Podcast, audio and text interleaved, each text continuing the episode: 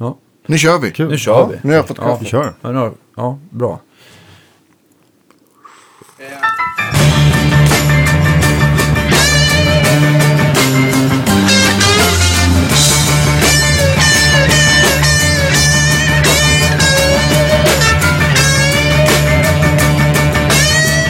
Eh, då så mina damer och herrar, då är det dags för Guitar Geeks podcast. Och eh, eh, ni har med er som vanligt Andreas Mustaschen Rydman och jag Daniel IT Corelius. eh, här och eh, ska ja, snacka med eh, en eh, väldigt trevlig Magnus eh, Henriksson. blir det, va? Ja, det stämmer bra. Ja. Välkommen. Jag har ju aldrig träffat dig förut så att jag blir så här... eh, Ja, fan på tiden att du kom hit. Ja, Nu svor jag igen, vad dålig jag är. Ja, exakt. Ja. Clips bland annat. Den andra hälften, vi har haft den Ja, men första hälften. Här. Erik har vi haft, precis. Mårtensson. Ja. Men Nu kommer det svarta fåret här. Eh, nej, men otroligt trevligt att vara här. Ja. Eh, skitroligt. väldigt stort fan av podden måste jag Är det säga. så? Ja. Otroligt stort. Tack. Vi har ju tack, faktiskt, vi har ju faktiskt skattat över en kvarts miljon nedladdningar nu. Ja, Oj. jag såg det. Det är Grattis. skit- Tack. Ja, det är skitroligt. tack, Tack. alla ni som delar och recenserar och likar. Och... Ja. Men eh, jag känner igen dig eh, mycket väl. Ja. Men, men eh, jag har ju inte fått äran att se dig spela. Men ni är gamla goda vänner. Och, ja, men eh, precis. Vi har känt varandra förstår. skitlänge. Ja, men eh, början av 2000. Ja. Jag har stött på varandra och eh, kastat lite gigs på varandra hit och Ja, dit. precis. Och ibland lira ihop. vilket Jajamän. har varit väldigt kul. Jätteroligt, alltid. Så att, eh, ja, vi är gemensamma vänner till Erik Mårtensson då, som jag spelar Ja. med i Eclipse. Och som Andreas har spelat mycket med Ja. också i. Ja. Så att, nej, men vi har ett gäng och, av gemensamma polare. Ja, Magnus pluggar med min tjej. Och förut och ja. ja det är Ja. rikt, riktig inavelshistoria här ja det är, alla känner varandra Ja. på något sätt. Men vad jag har förstått är att du ska vara en väldigt så här, eh, tekniskt begåvad gitarrist. Ser? Definitivt säger Ja. jag. Ja, okej. Eh, ja, eh, Med, fast med känsla har också eh, Ja. Andreas uttryckt att det är inte bara, det är inte bara, det är inte bara speed som gäller utan det att det finns lite känsla bakom.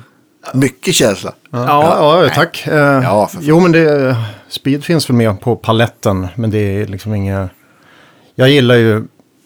Eh, ska man ha speed i gitarrspelare så måste man ta upp alla kvaliteter. Såsom bra ton och bra vibrato. Liksom. Det finns inget värre än eh, shredders som bara blåser på med dålig ton och Ja. taskig Har, vibrato. har du något exempel på vad du tycker är, är en, en, eh, en shredder med bra ton respektive dålig ton? Eh, om man säger bra ton, uh, John Norum, definitivt. Ja, visst. Hans ton blir bara bättre och bättre. Och Michael Schenker. Uh, Yngve har ju fantastiskt bra ton. Mm. Och eh, det är inte många, det är, liksom, det är för mig är det en hand, handfull sådana gitarrister som har riktigt bra ton och ändå lyfter hela den här tekniken och hela paketet. Liksom. Att det sitter ihop liksom. Ja, ja, precis. Kan man, har man inte bra ton då kan man lika gärna skita och spela snabbt, tycker jag. Mm. Och, Men alltså, jag, jag tänker också så här som shredder så tänker jag mycket på de här Winnie Moore och Paul Gilbert och, och ehm, eh, Michelangelo. ja, men eller, Ja. med Tony McAlpine eller McAlpine, eller hur säger man? Jag vet inte. jag vet Macca, jag vet inte, Macca, Någonting. någonting. Ja. Ja. Här Riktigt uh, flyhämta killarna. Eller Marty Friedman eller någonting. Men Marty Friedman är väl en sån här som jag tycker är väldigt tekniskt begåvad. Men kanske inte har lika bra ton som Yngve i alla fall. Ja, Eller, är- eller får, jag, får, jag, får jag en rak höger här om jag tittar Nej, bort? jag, jag vet inte. Det var en bra fråga. jag, jag, jag tycker han är, han är ganska cool. Han har en egen stil. Han har ju en lite så här, Tonalt har han ju väldigt egen stil. ja, så här exotiska bands. Jag tror hans video hette så till och med. Ja, just det. Och så här, så att, eh, jag tycker han gjorde helt coola grejer med Megadeth. De plattorna han gjorde. Och så där. Men många av de här Shrapnel-gitarristerna, det är ju som eh, knacka på en ski- skrivmaskin. Det är liksom bara, ja, det sprutar ut massa toner men det var inte så mycket som berör den kanske. Jag vet en som, som eh, en annan Magnus, eh, nämligen Olsson som vi har haft i podcasten har korat som, som, som en shredder som står över alla andra. Om man nu får kalla han för shredder. Förlåt Magnus, men jag tänkte på Sean Lane. Oj, ja visst. Herregud. Ja, det, Vilken snubbe alltså. ja, det, Det är bland det värsta man har hört ja, i shredding. Alltså. fruktansvärt fort. alltså positivt. Ja. det, Ja. det är alltså... Rest in peace får man väl Ja. säga. Han Ja. gick väl bort i, i ett eh, ganska miserabelt knarkberoende Ja, tror jag. Ja. Ja, jag hörde någon story om att han hade... Eh, han tog några tabletter och så hade han liksom... Skulle han injicera tabletterna så att det skulle fungera bättre. Så hade han mosat dem. Och så på grund av det här bindningsmedlet i tabletterna så avled han.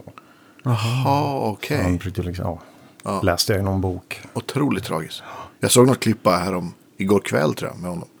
Och man slogs bara än en gång av hur vansinnigt fort han kunde spela. Ja. Ja, det är helt sjukt.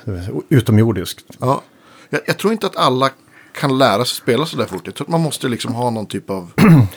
Om det är så en Nintendo-begåvning. Liksom, vissa Ja. är de gamla Nintendo-spelen. Man ska röra på joysticken Ja, svinsnabbt. Och vissa har bara det. vissa har det inte. Var nin- Nintendo-snabb på gitarr. Nintendo så. Så du menar att, äh, att de, här, de här gamla gitarristerna har spelat mycket 8-bits eh, Nintendo så. och sin Ja. tid. Precis. Ja. Fattar.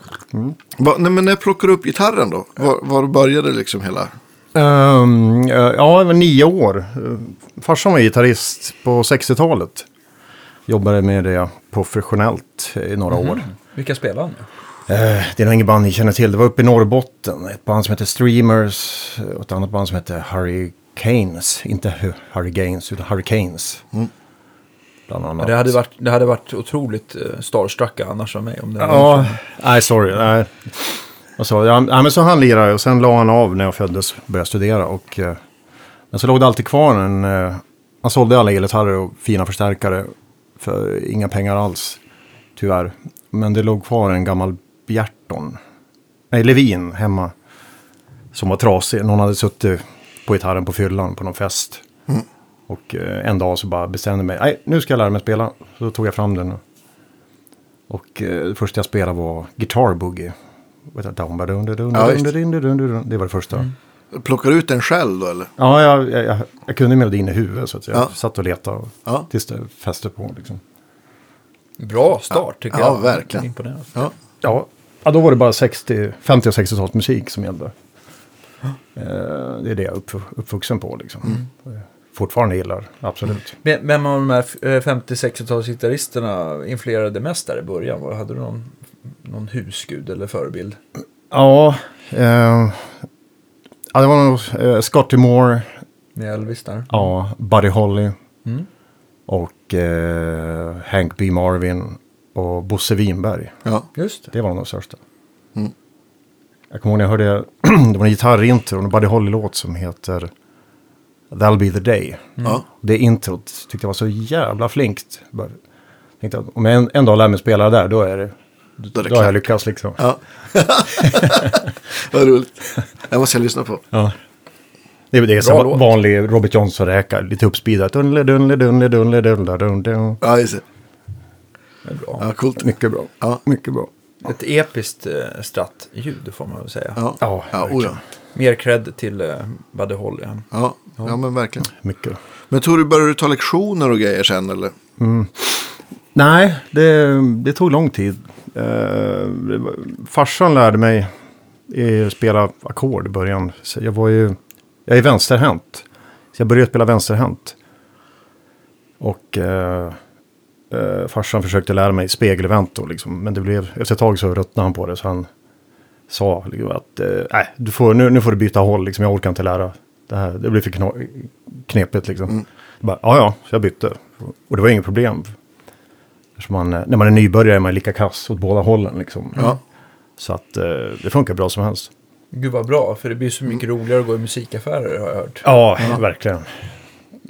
Då är du alltså som E. Eklund då, våran Ja, just det. pornogäst då. Ja. Och Steve Morris. Just det. och Gary Moore. Asså? Ja. ja jag tycker det kan man, man kan höra. Jag, jag kan höra det på vänsterhänta gitarrister. Kanske för att man är det själv. Man hör att ibland kan man vara lite... Det låter lite bättre helt enkelt. Ja, ah, men eh, man kan vara lite övertaggad på vänsterhanden ibland. Vilket jag känner själv att ibland man kan få tendens till eh, kaninrunkvibrator liksom. Ja, Förlåt. Eh, om man inte taggar ner liksom. Och på Steam, Steam har man har ju... lite så. Ja, verkligen. Just för att man är starkare, eller i, Ja, i högen liksom. Det är svårt att tygla. Ja, just det. Liksom, för min vänsterhand... Eller du är starkare i vänstern. Ja, i Förlåt. vänster, är precis. min vänsterhand tar aldrig stryk. Jag kan sitta och öva hur mycket som helst. Ja, just det. Medan högerhanden får jag sitta och kicka igång för att, för att den ska bli tight liksom. Jaha, vad intressant. För det är ju totalt tvärtom Mm. Ja, ja, faktiskt för mig. Ja det är så. Ja, Ja, verkligen. precis. Så Ja. att... Eh, visst, man, man kan köra så här eh, frälsningsarmé-komp. Men alltid i början om man ska göra precisionsgrejer. Då måste jag sitta och nöta med väldigt mycket. Ja. Lång startsträcka helt enkelt. Eller? Eh, ja, precis. Ja, det- ja. och, och tack vare vänsterhanden så kan jag mörka väldigt mycket grejer. Jag kan få det att låta bra. Även fast högerhanden inte ja, just för att du, ja, du kan göra liksom legato. slurs och legato Ja, just det. grejer. Ja.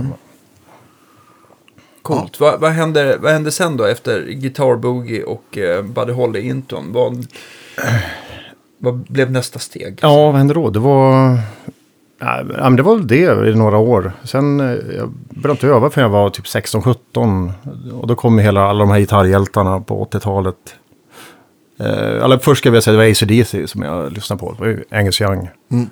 Hela den här bluesiga stilen och hårdrock. Liksom. Och sen kom eh, Richard Blackmore, Yngwie Malmsteen. Och, och då hade man ju lite att jobba med. Vad var första elgitarren då? Ja, det var en japansk eh, Vantage. Hette Ja, just det. Som, ja, den var ju ganska kass. Men, Någon typ av stratta. Var det farsan som hittade den och hjälpte dig att fixa den? Eller? Ja, han köpte den i Gällivare bodde, när vi bodde där. På någon Hagströms kommer jag ihåg.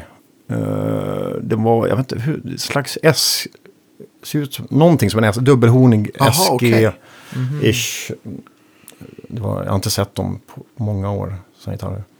Var det Angus som, som gjorde att du ville ha en sån eller? Eh, nej, jag, eller jag ville inte ha en sån speciellt, utan det var det, var det jag fick. En, en vacker dag kom farsan hem med en gitarr. Ja, just det. liksom Ja. bara, då var det, här får du, bara, ja. Ja. fan vad coolt. Ja.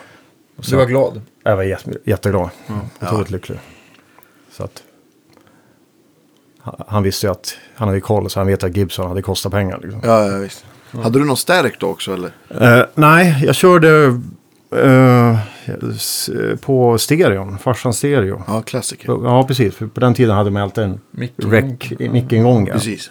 Och så skulle man dista det med inspelningsvolymen. Ja. Precis. Perfekt. Och det lät för jävligt. Men det blev någon slags dist. Ja, så att man är ändå lite nöjd. Jag, jag kommer ihåg min först, första gitarr, också en SG-kopia. Jag hade ingen stärk.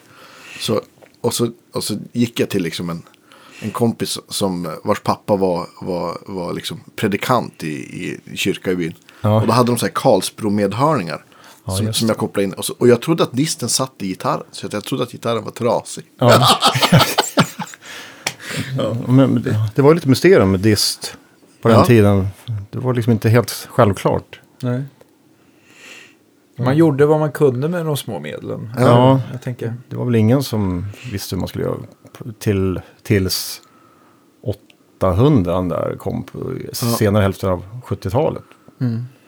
Innan dess var det bara hö- högsta volymen. Jag tänkte, ja, eller JMP'n var väl där och någonstans. 800 är väl ändå en 80-talsstärkare, eller? Eller kom den Eh, på 70-talet? Ja, eller eh, precis. Eller JMP Det var den första 2203. var- ja, men ja, som, som sen blev 800. Ja, precis. fast med skal. Ja, precis. Så de hade ju där mastern. Ja, tack. De låter ju faktiskt otroligt bra. Man har ju Ja, fått lyssna på några både, jag, jag tycker personligen så har jag blivit ännu mer frälst för de här enkanalerna. Jag vet inte vad Jag du själv tycker. Men Ja. Oh, ja. sen så vet jag att till exempel Norum har ju kört väldigt mycket av de här tvåkanals JCM 800. Ja, just det. Men jag, Ja. jag vet inte, det blir mer, låter, en EP-booster typ in i en, i en sån här tidig enkanals JCM 800. Det kan ju låta så jäkla bra så att. Oh, ja. Men är det de som fortfarande har liksom den gamla looken så att säga? Ja, oh, ja. Ja, JMP. Sexrattad. Precis. Ja, Två 22 ingångar. 2203, de har den gamla looken. Och sen, Alltså inte den som, den som är bakom Nej, precis. Det där Nej. 80-tals-looken. JSM 800. Med en ren kanal som inte är så kul. Nej, den är inte så trevlig faktiskt. Sen är det klippdistorsionen där också. Så. Vilken, ja, är, det är väl, det är vilken är det diod. där? Är det Den har där? väl någon diod som ska runda Ja. till det. Precis. Och, och det där blir lite tråkigt. Vilken version? är det? Vi tittar på en gammal JCM 800 här bakom. Vilken? Är det 100 eller 50 watt där? Jag tror att det där är en 50 wattare. Ja, det är 2205 heter den. Just det.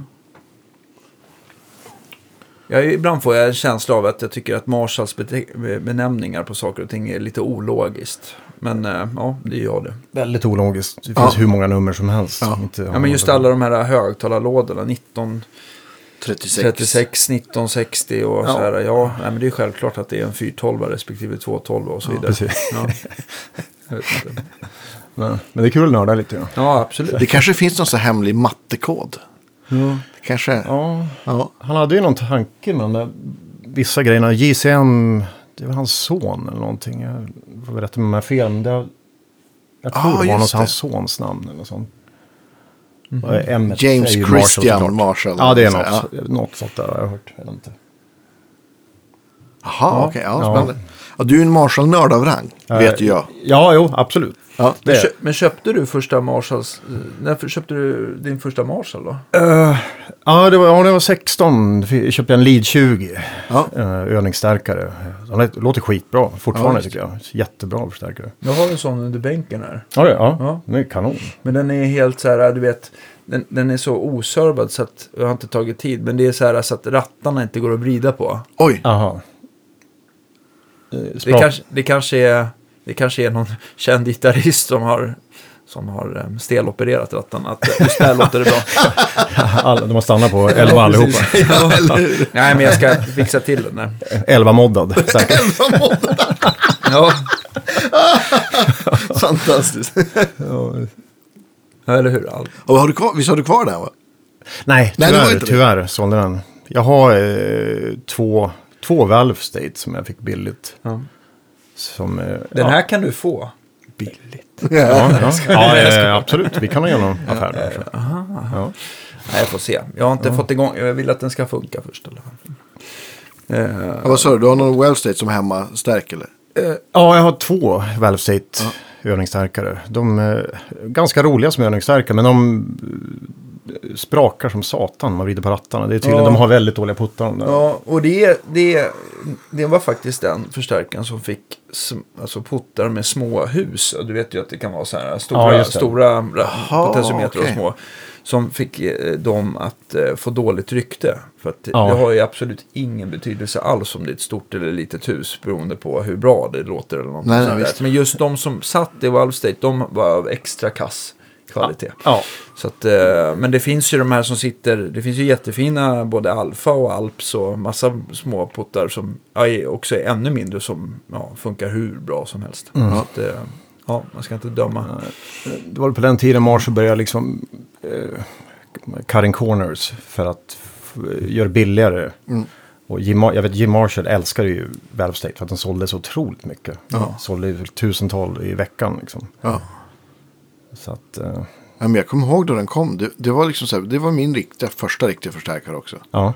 Då, Så här, typ Hagström mus- 80-20 eller vad hette de? Ja, de här 80 watten? 80-40 hade jag. Aha. Som är stereokorus. Och enda anledningen till att det blev den var att, 8240, ja. Det här har vi pratat om. Eller? ja, ja, men det har vi. Det var att, att Hags, Hagströms musik i Umeå gick i konkurs. Det var alltså bröderna Odén som var gitarrmuseet. De hade en musikaffär där.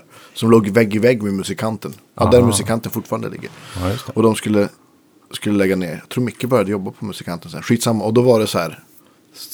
Det stod ju VK liksom. Utförsäljning. Så Ja. det var så här 60 off. ja, just det. Och den marginalen kan jag säga att det har inte handlarna. Nej, det kan jag Nej, tänka mig. så att det var bara, det var någonting bara att det måste in pengar väldigt Ja. fort. Ja. Var var vi någonstans? Vi var på, ja men du, var, du började öva, du, du upptäckte Blackmore och, och Yngve efter, efter ACDC liksom. Ja, precis. Ehm, egentligen tyckte jag inte det var så kul att hålla på med sol i början. Jag, jag gillade att spela ACDC-riff. Liksom. Det, var, det var det roligaste. Liksom. Jag kunde sitta och nöta Ja. bara riff i timmar. Och även liksom vanlig...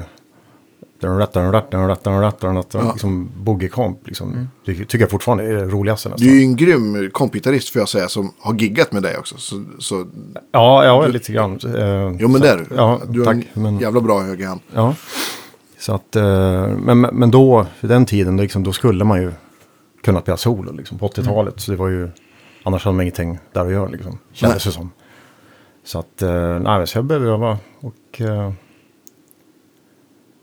ja, Richie, Yngve, det stuket, Ja. Norum, Michael Schenker. Jag intresserar mig för sådana grejer. Köpte du så här tabbok med Yngve och så här? Lärde dig solon och... Nej, jag gjorde inte det. Du på örat? Jag hade en eller? kompis, eh, Peter Österos, vet du vem det är? Ja, ja, visst. Ja, min gamla barndomsvän, han spelar nu med gitarr i Jaded Heart.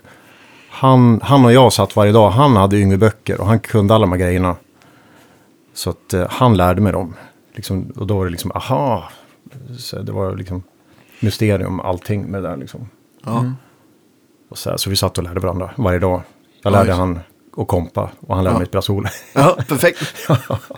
Ja, Och sen kom ju den här yngre videon och till slut eh, den här Ja. REH-videon. och då var det, det trillade ner som polett. Aha, Ja.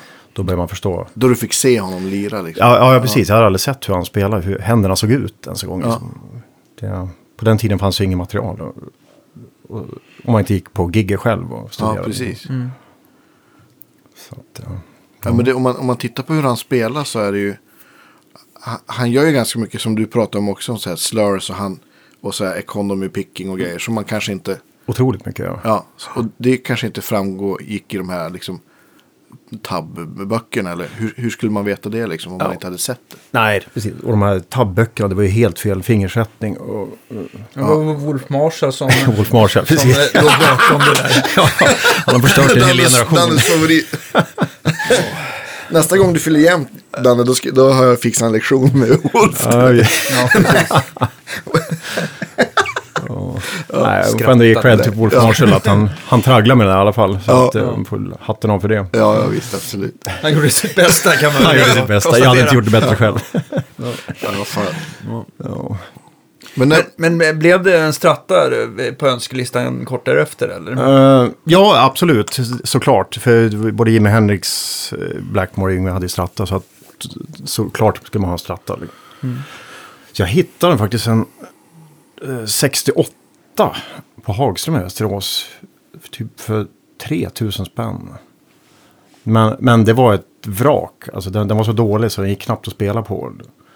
De hade liksom filat halsen mycket smalare och de hade liksom totalsaboterat den här, vem som nu hade den innan. Ja, ja. Så att det gick inte, gick inte att spela på. Både tunna och tjocka E-strängen liksom gled av banden. Ah, liksom, flipp. Och eh, så det var egentligen bara kroppen kvar som, som gick att ha liksom. Så Ja. att, eh, men det var ändå coolt. Jag hade ju en 60-talsstrata. Så. ja, men det gick knappt att spela på. Men eh, jag tragglade med den i alla fall. men den, den rök sen eller? Ja, jag sålde skiten. Så, Ja. så köpte jag en 70-talare. Eh, Men den blev jag inte heller förtjust i. Var den tung som ett boy? Ja, så boysänke? inåt helvete. Det var någon 76 eller 77 med, med jätteblank lack på Ja, halsen. det. Mm. Vilket inte är så trevligt. Och det lät fruktansvärt bra dock, måste jag säga. Men det kändes väldigt, det kändes billigt liksom. Ja. Inget kul att spela på. Och sen bytte jag den mot en Japanstrata faktiskt. Mm. Så från, jag hittade på Halkans fysik 93. En, ja, ganska billig, kostar några tusen, eller sju tusen kanske. Japan 60s heter den. Så, som jag fortfarande har kvar än idag. Så kanon. Helt Är den underbart. sån made in Japan eller crafted in Japan? Eh, made in Japan, Mm, tidigare. precis. Är den 80, Fantastiskt. 80-talare då? Alltså tidig 80 då eller? Eh, eller de nej, jag, tror, jag har kollat upp det. där. det. Jag tror den, det är 93 eller 94. Jag har för mig att de är lite mer korrekt också i spesarna. Alltså de här slutet av 80-talarna är inte riktigt eh, ja, rätt style på mekanik och så vidare. Och så där. Ja. Eh, Jag tror att den, här, den där är lite närmare. Ja. Men de kan vara jättetrevliga. Mm. Och framförallt distat, det är väl lind i kroppen i de där. Så att de, eh, de har väl lite, de är inte fullt lika vassa som många, ja, till exempel 70-talare. Nej, nej, precis. Nej, de är otroligt fina att spela på. Åkte, åkte rundfilen fram och, och gröpte mellan bandstavarna där också? Eller? Eh, nej, nej, nej, fan. Eh, det, det trodde jag inte jag. Men eh, nej, jag bytte band istället. Jag, så jag har, den är, har jättetjocka, jag vet inte, vad heter de där banden? 6100 eller vad de? Ja, ju, ju lägre siffra desto större blir de på Dunlop-språk. Då. Så 60.00 är det största de gör. Sen så Ja, okej. 61.00 är väl det egentligen vanligaste. Så här, Ja, jag tror, jumbobandet. jag tror jag hade den näst tjockaste. Ja, Han på Hagström sa, nej du ska inte ta de tjocka för då låter det Hawaii-gitarr. Okej. Ja, man blir förvånad över folks kommentarer ibland. Hawaii-gitarr. ja, menar väl intoneringen. Ah, Det är så som bra, jo, jo. Det måste ju vara lite så här efter egna erfarenheter, tänker jag. Att man liksom inte, för jag tycker så Ja. här, spelar man på scallop eller så här jumbo-gitarrer, Mm. alltså vissa har ju verkligen svårt att intonera och andra har ju lärt sig det där. Att det Ja. inte är något problem Nej, alls, precis. verkligen. Precis. Ja, det är nog ytterst individuellt tror jag också. Ja. Ja. Men han, Hawaii-gitarr. Ja, shit.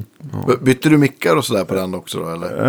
Eh, ja, jag bytte till en fast track i stallet. DiMarzio fast track heter den. Ja. Som är Det är en sån här väldigt, rail-mick, eller hur? ja, precis. Så, väldigt näsig och midi. Ja, Ja.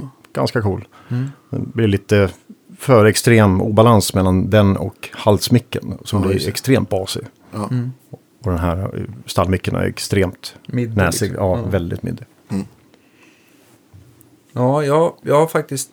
eh, Det har varit lite svårt det där att kombinera just humbuckers med single coils och få det liksom fungerbart i, med samma sound sådär. Det blir Ja. det, Humbuckers överlag blir väl middigare? Ja, Är det inte så? absolut. Men de där, är jag för mig att fast tracken, den ska ju vara ganska het också. Den har ju ganska mycket output. Men det är, det är rätt mycket spoltråd på eh, bägge spolarna då, då. Och sen så, då, då blir det, och sen så är det en keramisk magnet. Så att de, de, det lyfts väldigt mycket mellan register och de låter lite beslöjade. Ganska tråkiga på renare ljud sådär. Mm. Ja, nej det är inget. Där är Nej. inte mycket att ha faktiskt. Nej. Men sen så, Eh, sen så tycker jag också att det är svårt att... Eh, det är nästan lättare att kombinera den där fast tracken till exempel med en HS3 som redan är lite dov. Mm. För att en, en vanlig Strata-mick den är nästan så att den brillar iväg lite för mycket. Att den blir för toppig liksom. Just det. Ja, om man jämför. Eller ja, mellan- men när man växlar emellan. Då, Men- det är svårt att ställa in diskanten på stärken. toppig, precis. Men allt det där går ju i och för sig att korrigera liksom. Så att, eh, Jag gjorde till och med en egen mod på stratan att jag... Nej, just jag bytte tillbaka den här, till originalmicken ett tag. Och då gjorde jag en mod att jag skulle kunna dra av eh, diskant på stallmicken. ja, mm.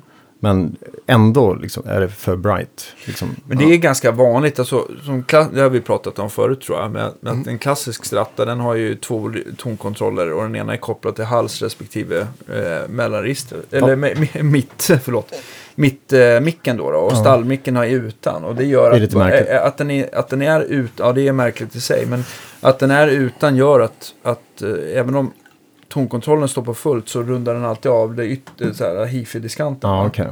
Så att bara att koppla till den eller så att den, den bortre funkar både på mitt och stall gör ju det mycket trevligare. Liksom. Just det. Men, eh, men det kan ju bli lite för vasst ändå. Liksom. Varför var det så? Var det för att det var någon tanke att det skulle vara en lead-mick från början? ja, eller? det skulle verkligen gå igenom. Och det har det gjort. Ja, och att den är vinklad som den är också är lite märkligt på det. Ja, Att faktiskt. den är vinklad mot eh, Ja. diskant. Liksom. Ja. Det borde, man tycker det borde vara tvärtom. Liksom, där också. Jag skulle faktiskt. nästan nog föredra att den stod lite rakare i sådana fall. För att Ja. jag har ju provat några så här voodoo-stratter som du vet att de, har- de har vänt micken åt andra hållet. Mm, Ja, just det, liksom är, men då blir den ju för, ännu för smalare. Eller för smalare, min svenska är ingen bra idag. Alltså den blir för smal i basen helt Mm. enkelt. Men den, den, även om diskanten rättas till så, eh, diskantsträngarna rättas till Ja. lite grann och blir lite varmare så, så blir, så Undrar hur skulle det låta om man. Liksom. om man tänker att man håller fast på bassträngen och så bara räta upp micken. ja, precis. låta då? Ja. Precis. Billy Gibbons har gjort så på eh, några av sina telar vet jag i alla fall. Det verkar väldigt intressant. Okej. Ja. Ja. Men, Tufft. eh, Det verkar som att det är dramatiska skillnader beroende på var micken är placerad. Ja, Vad jag har förstått. ja, oh ja, oh ja. Det- ja. Men, ja verkligen. Jag jag, jag tycker ändå att de här, av de här, eh, om man vill ha lite mera drag på sin stratta och ändå är, vill ha bort brummet och sånt där.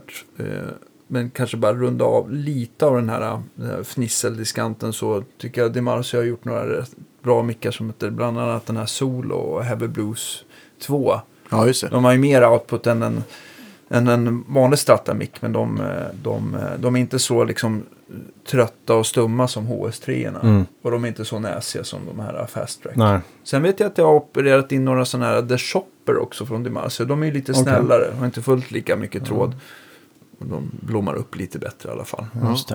Så det kan också Jag hade någon sån här prova. Little 59. Är det Duncan eller? Ja, det är Duncan. Okej. Men den är ju också lite så här, den är också ganska middig tycker jag. Ja, det, Och sen så låter inte de riktigt som en fullstor handbacker eftersom, eftersom spolarna ligger så tätt. Va? Det blir ju ändå så här bredden på micken som ställer hur mycket botten. Eller, ja.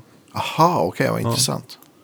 Det, ja, Alltså det kan ju vara både med, med, med samma antal spol, eh, vet du eh, varv på spolen så kan ju en, en platt och bred mick få ju mer botten än, och en eh, hög och smal spole får ju mer diskant liksom. Jag lär mig något varje gång Mm. vi spelar in här. Det är Ja. underbart. Ja. Jag har pratat eh, länge och väl med det där med herr eh, Jul då. Ja. Och, eh, ja, så är det. Mycket intressant. Men eh, ja, förlåt att Vi, ja, vi spårar som vanligt. Ja, det är det som är så kul. Ja. Eh, Det är, man, man kan, på den här lilla träbiten man håller på att spela på, man kan nörda in i o- oändlighet liksom. Ja, ja visst. Det tar aldrig slut. Ja, och det är så Men jag, roligt. Ja, jag märker själv sådär att jag, jag har ju gått, eh, jag har ju gått stora epoker på vilka strattamickar jag vill ha. Och sen så, det är alltid någonting jag irriterar mig på Mm. sådär. Men, eh, men, eh, Det kanske alltid kommer vara så. ja. Att det är något man stör sig på. Liksom. Ja, precis. Ja, men Strattans stallmick, den har sina... Man vill ju nästan att den ska bli lite så här... varm och stor som en telestallmick ibland. Mm, precis. Men ändå så Mm, gillar man samtidigt att den är lite, lite tunnare och, Ja. och renare. Så att det, ja, jag vet inte. Men just att den blir för vass och fnisslig. Jag har ju min stratta på väggen här med lönn och ask Ja. kropp då, då lönnhals. Och den kombinationen är ju den som är liksom twangigast och brightast. Och Just där det. kan det vara lite svårt att och, eh, eh, tämja den helt enkelt. Precis, för det ska man inte glömma heller. Att, att även om man sätter samma mickar i, samma, eller i två olika stratter och, och de har olika trä så kommer de ju inte låta likadant. Precis.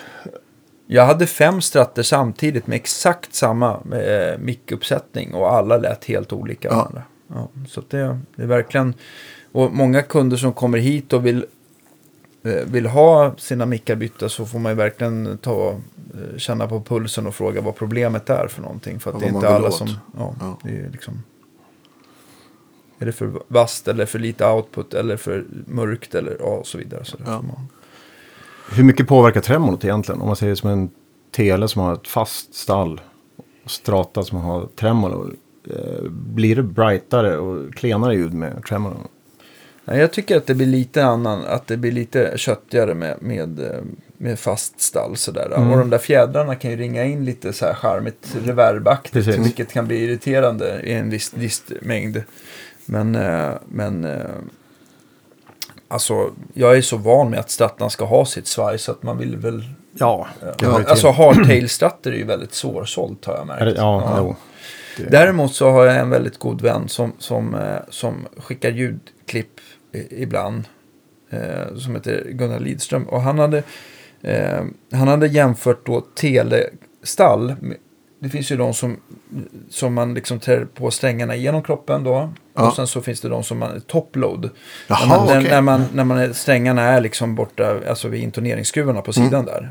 Då blir det inte riktigt samma tryck över Mm. Nej. sadeln. Och sen så, så skickar han, nu har jag exakt samma gitarr och jag har liksom strängat, nu har jag två olika klipp här med att jag har strängat det olika bara. Och då lät faktiskt toploaderstallet fylligare. Jaha. Jaha, Det tror det man inte. Man trott. tror Nej. att det ska liksom vara... att det går genom kroppen. Ja. Ja, det är klart det är väl inga vibrationer som går genom kroppen. Nej. Den är död bakom Precis, exakt. stallet. Det är ju för sig sant. Ja. Ja. men det blev lite smalare och fastare. I alla fall på de här två klippen. Sen så, jag menar, det är väl inte någon supervetenskaplig studie så. Men att han hade ju inte rört liksom stränghöjden eller stallmickens höjd. Va? Utan Nej. det var ju bara att han hade strängat dem olika. Och då tyckte Men man så bytte här han det stall då? Eller finns det stall där man kan... Nej, det, fanns ett, det finns sådana stall som är borrade på, från bäg, på bägge sätt. Liksom. Okej. Nackdelen med topload är att där är då har du sådana här äh, sadlar eh, som, där det är liksom en sadel per strängpar så att säga. Det är Ja. tre sadlar.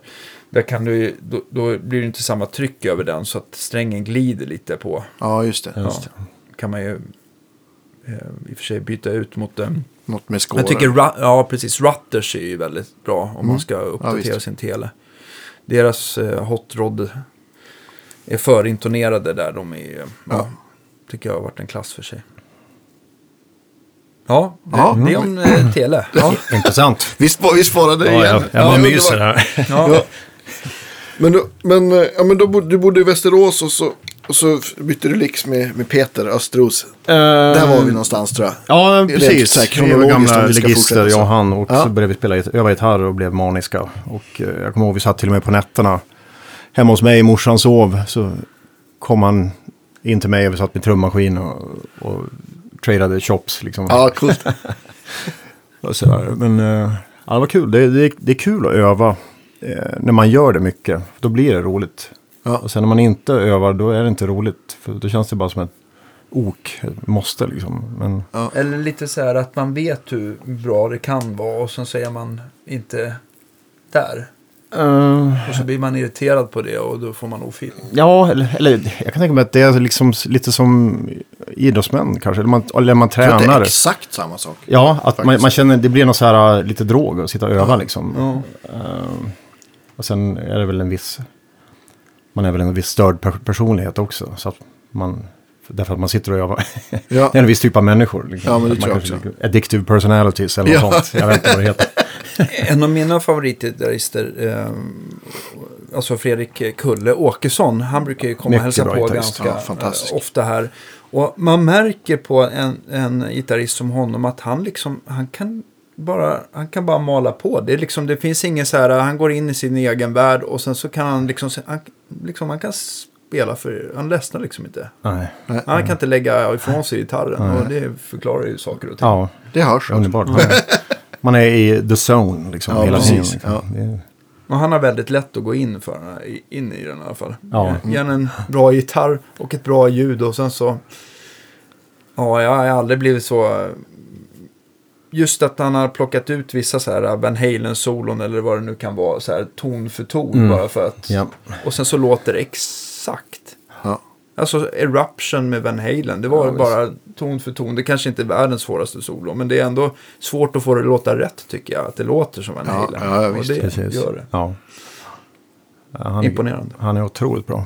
Otrolig pondus när han spelar, Kulle. Ja. Det är, Ja, det är, det är, det är attityd bakom varje plektrumslag. ja.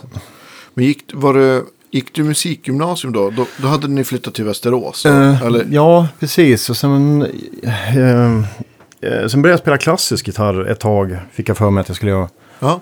Jag tyckte det var lite kul och spännande. Så jag gick Bollnäs ett år. Bollnäs folkhögskola Ja. heter det. Och spelade klassiskt. Eh, Men jag ruttnade på det ganska fort. Kul, men det blev så jävla ensamt. att Bara sitta i ett övningsrum och med de här styckena. Det finns inte så många stycken heller för klassisk gitarr som är gjord just för klassisk gitarr. ja, det är inte en jättestor repertoar. Nej, verkligen inte. Och sen, sen jag ville spela band, rocka. Ja, men precis. Så jag tänkte, men det var på den tiden, det, det var så på 90-talet, eh, många var arbetslösa, det fanns inte så mycket jobb. Då var det väldigt många som sökte skolor, liksom. det var det man Ja. gjorde. Om man Ja. Höll på med musik, bara, men då ska jag in på skolan. Ja. Och, eh, och då var det väldigt polariserat mellan klassiskt och jazz. Och jag höll inte på med jazz Mm. överhuvudtaget. Då tyckte jag att klassiskt var mer intressant, så Mm. då körde jag det ett tag. Och, eh, vilket jag inte ångrar, utan det, man har burit med sig mycket fördelar från det eh, än idag. Liksom. Mm. Från den, de teknikerna. Och, och framförallt notläsningen Mm. lär man sig som rinnande vatten när man spelar klassiskt. Har du någon klassisk eh, gitarrist som förebild eller som du tycker står ut extra mycket? Jag är så ouppdaterad på... Ja, men, ja, men vi kan ta det vad du hade då. Eller? Ja, ja, det är väl tekniskt då så var det väl John Williams. Samtidigt kan jag tycka han var ganska tråkig, lite statisk. Mm. Eh, Då tyckte jag Segovia var roligare. Betydligt charmigare och mer romantisk spelstil. Några av de svenskarna, svenskarna som du gillade? Göran Södersjö, han är ju ett monster. Ja. Verkligen. Han ska vi lura hit. Otroligt. Ja, oj vad häftigt det har varit. Mm. Där har ni, ja, jag inte jag tycker han är bättre än John Williams till och med. Jag håller nog med dig. Ja, det är mer musik på något vis. Och vi har haft, eh, äran haft Mats i alla fall, Bergström. Ja, han är ju också ett monster. Men Sölcher ska vi, ja, det måste Ja. vi fixa till. Ja, vad kul. Så du gick i Bollnäs, men du gick där i ett år då eller? Ja, ett år. Man kunde gå två, men jag, jag ruttnade ur. Och så hade jag ett band i Västerås, rockband, som vi började komma ut och spela. Så att jag ville hellre göra det. Ja. Så att jag tänkte, nej, nu skiter det här. Nu, nu rockar vi. Mm. Och, eh, så vi körde ett tag med det, tills det ner.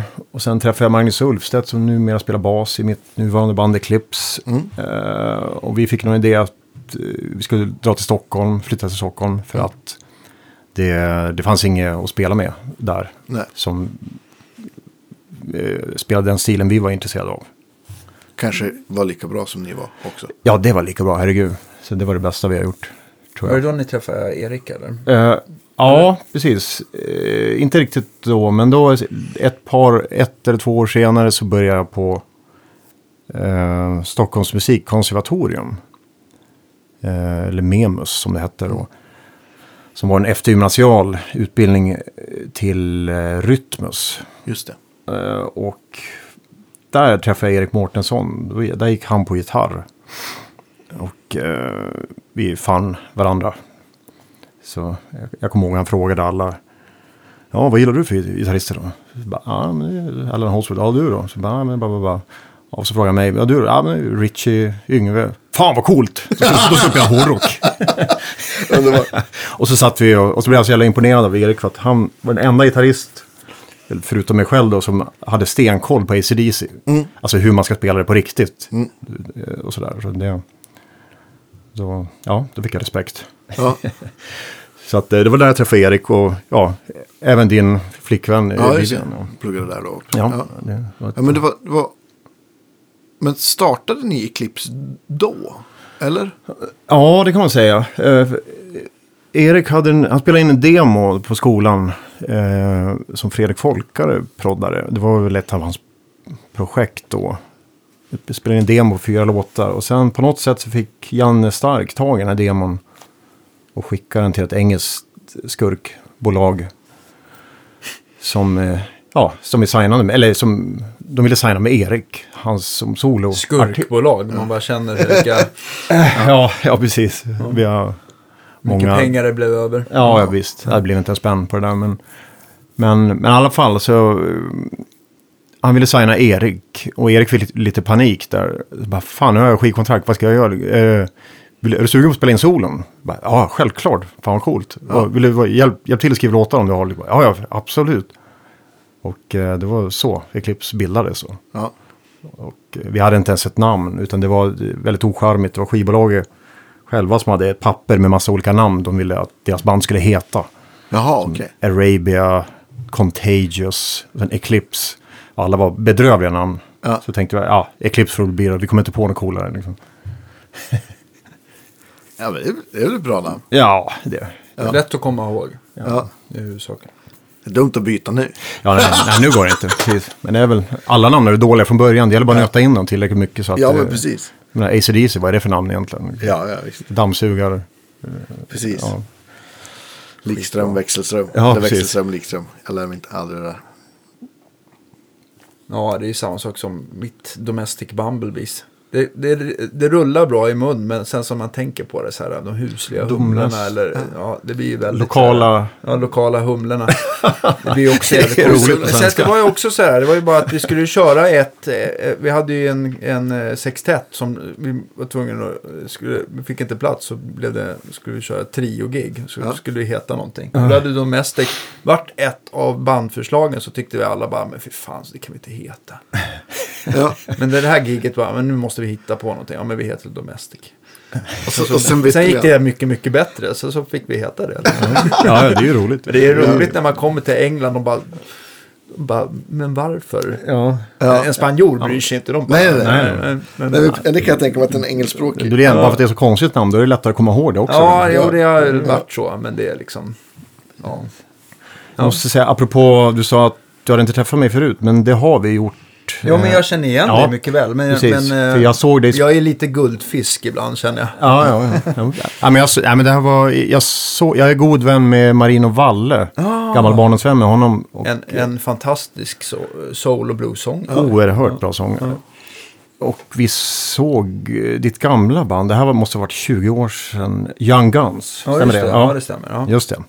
På med, med Stampen. mig och? Emil. Ja. Ja. Det var kul. Det blev ändå två skivor och en 300-400 gig. Oj, det var... Oj, yeah. oj, det är bra.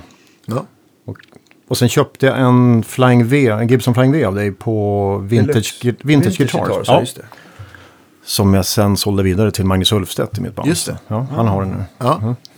Du lurade på honom den, höll jag Ja, ja vill ha den. Man har sålt en del gitarrer så att eh, får man se den där kanske man... Ja. Vad var det för färg på? En vit. Ja. Så här 67 Reissue med stort plektrumskydd. Ja, exakt. Precis. Då vet jag exakt vilken det är. Då. Jag kommer inte ihåg. Ja. Men det är en ball gitarr tycker jag. Ja, men Ja, kolla. Jag, jag gjorde, spelade in en skiva med den, men jag, jag ruttnar alltid på Gibson efter ett tag. Jag, jag älskar Gibson utseendemässigt och ljudmässigt. Mm. Men sen... Funktions... Ja, vi satt, jag satt bara och stämde gitarren hela tiden. Ja. Man repade och när vi spelade in, vi spelade in en vers och sen trycker Erik stopp. Ja, nu måste vi stämma. Och så håller man på så här. Alltså det är så himla konstigt. Alltså Gibson som har envits, envisast, jag kan inte prata. Envisats. med den där jävla plastsadeln i alla år. Alltså det är ju, Ja, det där. till ganska nyligen som de Ja, bytte ja. till nylon på sina custom shop. Ja. Jag tror att det nästan är plast kvar fortfarande. Så att byta ut den till ben och det är eftersom framförallt jag antar att du hade mest problem med G och D-strängen va? Ja, såklart. Ja. På grund av eh, spänningen där. Ja, jag. det blir liksom en, att eh, strängarna får en, en mer vinkel där. Och, för mycket isär. ja, så blir det mer precis. tryck. precis. Och, men får man till dem där med en bra ben, hållbar benshållning då funkar det hur bra som helst. Men jag förstår att folk har ruttnat. Och, Ja. ja. Och, eh, det var samma, jag köpte en SG, jag fick billigt också, men ja, jag hade den ett tag, men sen sålde jag av den efter sex månader kanske. Det, ja. Ja. Men du är Kramer, artist sen ett gäng år nu. Ja, eh, sen 2012. Ja. De, eh, en kille på... Kramer ägs ju av Gibson numera. Eh, Och det är en kille, eh, och de delar fabrik med Epiphone. Eh, Kramer Epiphone. Och det är en kille som gillar våra band väldigt mycket, Eclipse. Och även andra band jag spelar i som heter Wet. Eh, stort fan av oss. Och eh, så han mejlade mig och frågade, jag skulle vara sugen på att prova en gitarr. Bara, ja men självklart, kul. Så, och då beställde jag en gitarr som heter Kramer Assault. Som är alltså en Les Paul-variant. Jag har med en idag, ni kan få kika på ja, absolut. kul. ta fram den, ta fram den. Jag kan inte vänta på sånt där. Ska jag ta fram den? Ja, men ta fram den. Mm. Så, så det är alltså en... eh, eh, den påminner väl ganska mycket om ESP Eclipse. Att det är en tunnare kropp. ja, just det. Just och den har en belly cut på baksidan. Och just, just den här exet är eh, utrustad Floyd, med ja. Floyd. Då. Det finns utan Floyd och då är det genomgående. Strängarna går igenom kroppen Ja, just då, det, så att ja. säga. Ascool gitarr. Eh, och så. Så det är inget dyra gitarrer de här. Det är mid-pricade. Och sådär. Men eh, han frågade vad jag ville ha för och Jag sa vad jag ville ha. Och han... Mickarna är något special som han själv har satt ihop. Ja, det är det Seymour Duncan ser jag. Ja, precis. Och eh, de har ingen namn egentligen. Men jag frågade han nu inför den här podden. Vad, vad ska jag säga om mickarna? För det är han som har satt ihop dem. Det är alltså JB. Fast han har tagit bort Alnico Fem. 5-magneten och bytt ut den mot en Alnico 8. Jaha, okej. Så det, det är liksom... Alnica 8 har ju mer, det är mer output i dem då. Ja, precis. Så det är JB med lite mer output helt enkelt. Men är det det på bägge ställena? För JB görs ju bara som stallmick. Eh, ja, nej, det här är, halsmicken är en Classic 59 heter den. Ja, just det. Ja, precis. Just Så- det. så- Deras 59 som... Men den, den är helt eh, som den ska. Den- är, är det för den... Jag för mig att Duncan har kört Alnico 5 även där. Men att eh, de här vintersmickarna kan ju vara svagare också. Ja, Alnico 2 och Men 3 och så. här. jag Men, tycker det blir ganska bra balans. Ja, absolut. Ja, men det handlar väl mycket om att även om det här är väldigt mycket drag i de här mickarna, Mm. eh, framförallt stallmicken nu med en Alnico 8, så, så eh, ska det ju liksom, när man växlar mellan mickarna så ska det ju liksom vara trivsamt och inte... Ja, ja men precis, precis. Och sen är det ju, eh, de här Creamy-gitarrerna använder jag ju först och främst i Eclipse. Där Ja. vi kör väldigt tunga gitarrer och hårt distat. Ja. Så att det är liksom inget, Nedstämt. vi snackar ingen Ja. dynamik. Nej. Utan det är full patte liksom hela tiden. Ja. Och ja, precis. Det, jag stämmer ner i S. eh, Och sen är det dropp. Eh, dropp sist. Ja. Helt enkelt. Och så. Han, han kallade micken för 8 balls. Okej. Hans eget namn. att det är en Alnica 8. Ja, 8 balls. eight balls. Men, men jag, tycker, jag tycker faktiskt, nu har inte jag hört, de gör väl en mick som har Alnica 8, den heter Alternative 8 va? Ja. Men Eh. den har jag för mig är väldigt så här spretig och aggressiv. Den där kanske låter helt annorlunda. Eller upplever, Ja, upplever eh, du någon skillnad mellan hur den var en Absolut. vanlig Jeff Beck och den där? Jag har en annan gitarr med en uh, alternative, alternative 8 Ja. också. Eh, väldigt bra rock'n'roll mick. Väldigt midi och jävla drag, när man, speciellt när man kompar. Uh, den var inte lika bra på solo tyckte jag. Då tycker jag den här uh, 8 balls betydligt bättre. Lite mera basfläsk liksom. Eh, att Onica 8 blev lite för spröd för solon. Ja. Kan jag känna. Har huvudet varit av på den? Jag såg någon liten Ja, sprickor. det gick av under en resa från Japan. Eh, Så hade jag ett otroligt billigt tunt softcase. För jag skulle ta den som handbagage då såklart. Och så lutade den mot en... I, i gaten, jag ska gå på planen, lutade den mot en påle eller stolpe. Ja. Och då åker den i golvet. Och så Ja. var den av sig. Ja. Är inte ens flygpersonal. Var- var det på väg- De, de, Var det på väg till eller från giget? Från giget, tack och lov. Ja, det tack var och lov. i alla fall. Jobbigt om man liksom ska, man måste ta den där spelningen och våga inte röra den här äh, låsbara översadeln. För att det håller ändå stämningen och sen så måste man, Ja, precis.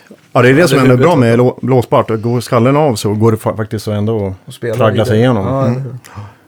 Vad kör du för strängning på den där då, som när du ändå kör dropsis? Ja, det är eh, tunnare än vad man kan tro faktiskt. Eh, Jag körde hybridset, Ernie Ball. Det är alltså 946 då, Ja. set. Och sen byter jag ut tjocka E-strängen till en 48? 50. 50 Ja, precis. Så man ändå inte gör slut på vänsterhanden. Ja. Och, men ändå ha, för jag märkte att man behöver inte ha så jävla, alla strängar så jävla tjocka. Nej. Har man, om man har fl- flytande Floyd nu som jag har. Om jag har en väldigt tjock eh, E6 så stabiliserar det upp hela gitarren på den mitt. Det blir som ett ankare liksom. Ja, Och så då behöver du inte ha resten av strängarna så svintjocka. Liksom. Det.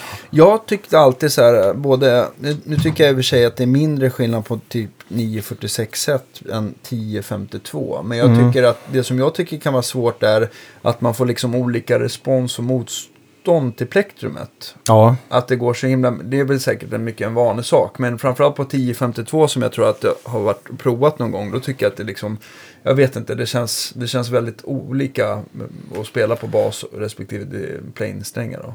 precis. Nu är det ju nedstämt så det kanske blir ganska likt strängtryck ändå, tänker jag.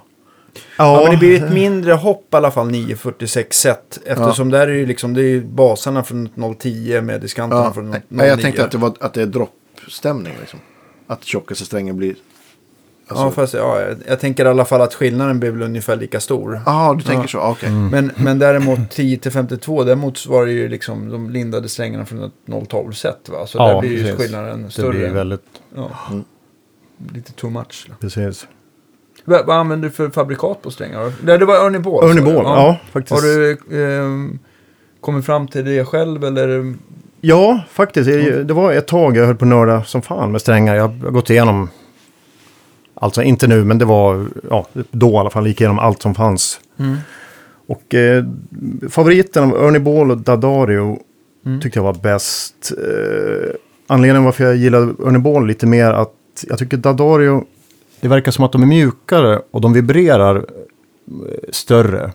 Ja. Vilket gjorde att de skallrar lite i banden lättare. Ah. Och eh, så jag tycker, eh, det, det känns som att Ernie Ball, Var lite fastare på ja dem. men fastare, de vibrerar inte lika mycket. Jag tycker väl också att så här, rent tonmässigt att jag tycker att, att eh, Örnebollarna, de har inte riktigt lika, eller hur ska man säga, att Diadario XL, de vanliga nickel-plated stil, att de är lite, har lite mindre botten och därför tycker man att de blir lite brightare sådär. Mm, Så att så kan det vara. Men eh, det beror ju på vilken gitarr och sånt där Ja. också givetvis. Men är det den nummer ett, eh, gitarren? Numera, ja, eller? nu har det varit det ett tag. Eh, jag har två till likadana. Eh, en röd och en svart. Och sen har jag två V, Kramer V också, som heter Night V. Ja, Jag fick precis hem en för ett par veckor sedan. En röd coolt. sådan med ja, mina mickar och allting. Ja. Vad, vad heter det? Men Kramer gör ingenting i USA, eller? Eller har de någon... Oj, nu höll runt på att slå av huvudet igen. Ja, ja precis. det är bra. Eh, du, du menar själva... Ja, alltså om de har bara den här eh, i, i, liksom i Epiphone-fabriken i Asien. Är det Korea eller, eller är det eller Kina? Jag tror att det är Korea. Jag vet faktiskt inte. Det är lite hyrs, hyrs det är lite hemligt. De sätter ihop, det är liksom assembled in US. Och, men delarna är väl Ja. Mm. ja. precis. Men det finns ingen någon Kramer eh, custom shop eller någonting. Lite grann som jag tänker som Schecter har. De har ju, Ja, de har ju Korea-gitarrerna och sen så har de liksom en amerikansk custom shop som gör gitarrer för 20 plus någonting va? Ja, precis. Nej, precis. Ja, det var ju en custom-gitarr på 80-talet. Och nu är det väl en mer... Eh, ja, lite billigare serie liksom. Eh, affordable liksom. Men... Eh, och eh, ja, det är lite märkligt för att de har... Lutman hade dem ett tag. just men jag såg aldrig någon i affär. Nej. Men jag vet att jag och Erik drog till Lutman och köpte två Flying V. Som vi slog sönder i en video. och eh, och jag vet, eh, inte ens Guitar Center i USA har de längre. Så att, men jag tror det, det Gibson-fabriken har ju massa problem. Mm, de kanske har sålt av några av sina bolag sådär. Så att, eh, Ja, de har ju kvar Kramer, men jag tror just nu är det inte pryo alls på dem. Så, jag, så just nu hittar man inte dem någonstans, vad jag vet. nej. Och jag snackade med han Steven Miller som eh, jobbar där, Gibson Kramer, att eh, han vet inte ens om han kommer ha kvar sitt jobb i framtiden. Han vet ingenting. ja, det är så pass. Jag antar att de flesta är insatta i den här Gibson. Ja, precis. Ja, det är väl, de har väl gjort några satsningar och köpt upp eh, till exempel Kramer. Nu tror inte jag, vet jag inte om Kramer har varit en, en, eh, ett sänke för dem i, i koncernen. Men, men eh, det har väl varit några märken, så här gamla avdankade så här hifi-märken som inte har Precis. gått så himla Ja. bra. Precis. Vill jag inte nämna några vid namn. Men, jag, men, eh, och det, att köpa upp någon gammal pianofabrik och, och sånt där också har väl kanske inte varit någon kioskvältare kanske. Nej. Det har väl varit lite halvkonstiga investeringar. Men eh, Ja, vi har lite, jag tror i alla fall att Gibson kommer finnas kvar som Ja, märke. Det är, oh ja, det, är det definitivt. minsta jag är orolig Absolut. över. Ja, nej, inte jag heller. Men det känns ju som att eh, det kanske måste bli lite ny ledning och ja, Mm. vi väntar med spänning på något beslut. Ja, Eller- verkligen. Ja.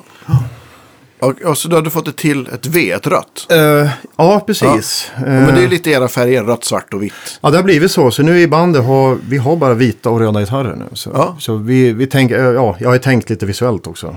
Ja. Vilka gitarrer man ska ha, färger och sådär. Så att Ja. det är vårt scenbygge ser ut så. Det är rött, vitt och svart. Liksom. Ja. Drog du samma slutsats som Yngve att svarta gitarrer försvinner mot, eh, alltså, mot de kläderna man har på sig på scen? Så att det var därför att han började köra sina Yngve gula. Jaha, Att okej. det stack, poppa ut lite bättre. Absolut, det har jag faktiskt tänkt på. Eh, man står i publiken på långt håll. Har man en vit gitarr eller någon annan ljusare eller någon extrem färg så det syns ju Ja. på långt håll. Jag kommer ihåg en gång när jag såg Steve Vai live och så klev han, han klev på scen med svart kostym och så hade han en vit Ibanez och det såg så jäkla stiligt ut. Ja.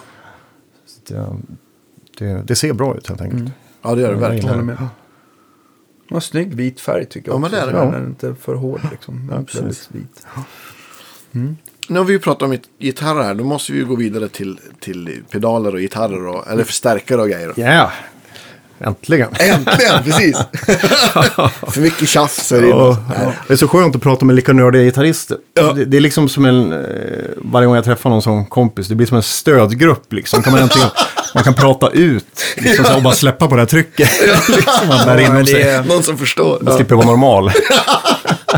Fan, jag är så glad att jag slipper vara normal fem dagar i veckan här Ja, på jobbet. vilken dröm. Ja, Ja, Jag vet, ofta, ofta så här små butiker, det, blir ju, det måste bli väldigt, väldigt nördigt. Ja, oh ja, oh ja.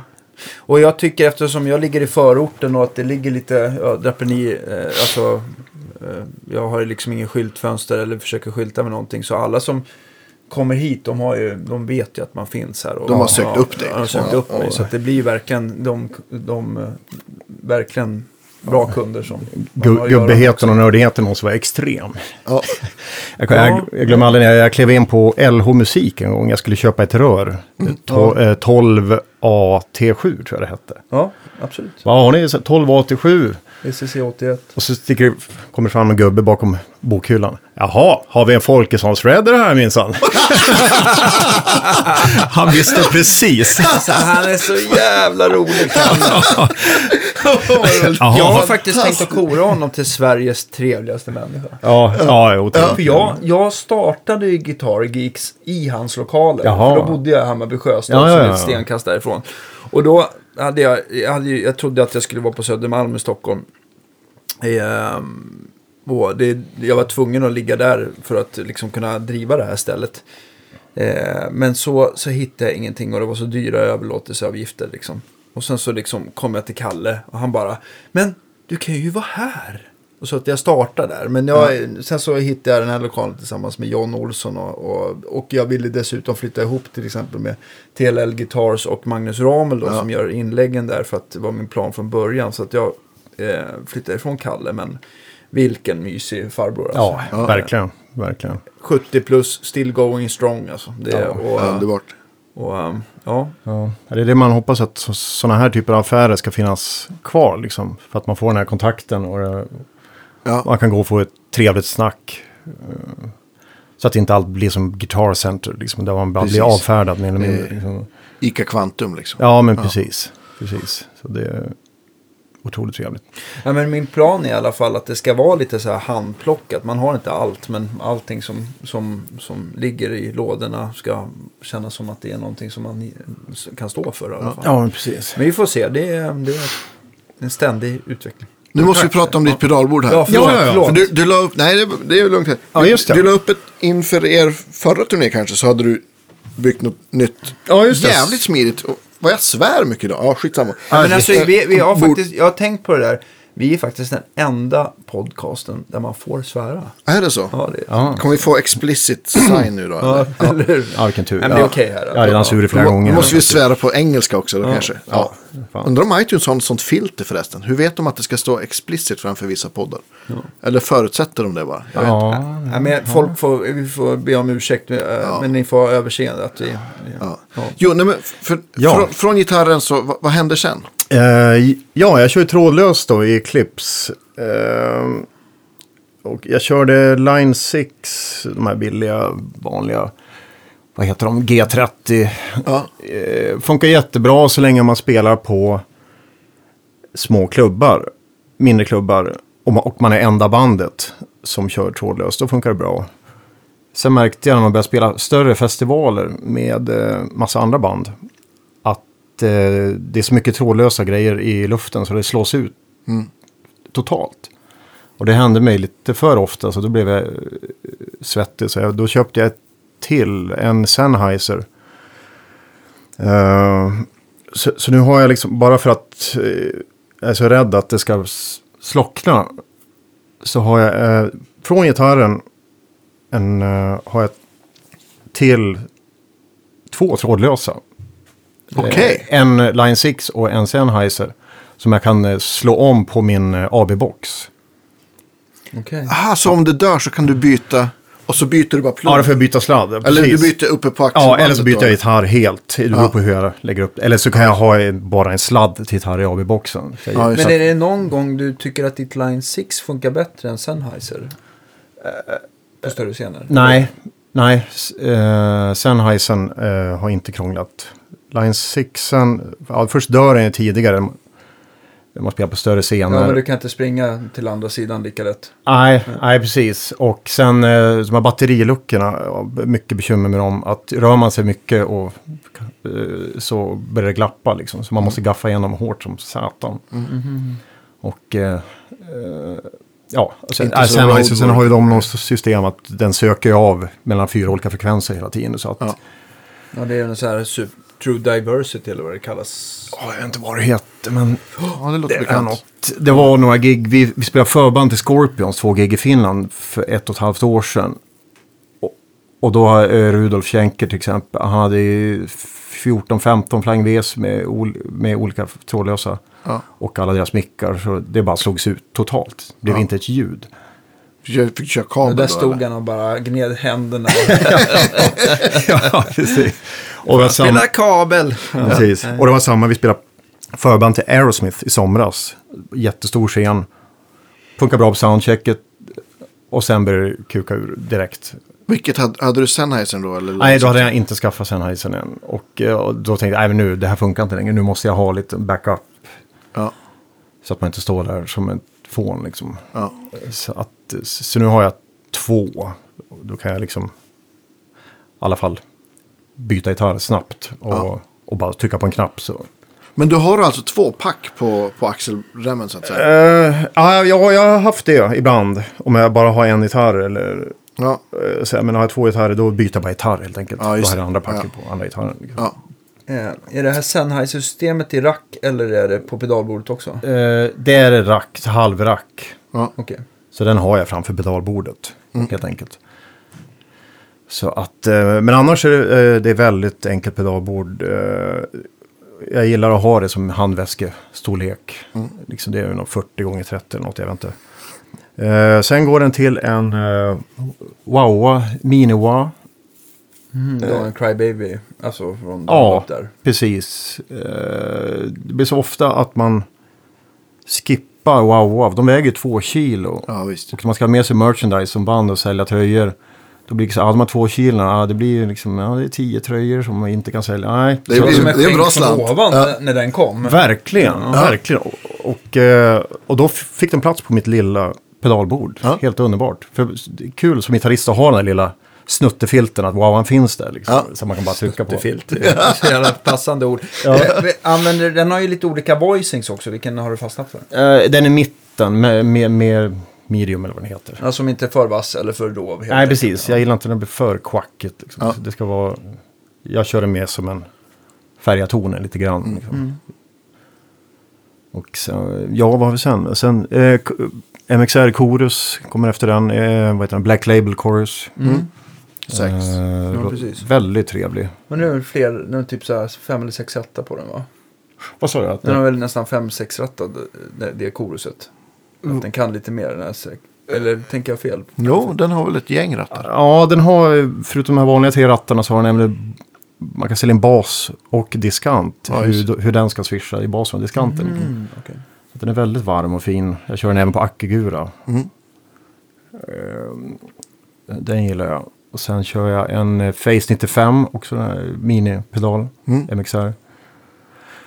Som jag har eh, mest i vissa solon, liksom. Eh, Bara för att det ska swisha lite grann i bakgrunden. Liksom. Lite som Van Halen liksom. Ja, men precis. Ja. Att det ska vara bara lite subtilt swishande. Liksom för att få bort det här monotona. Liksom. Mm.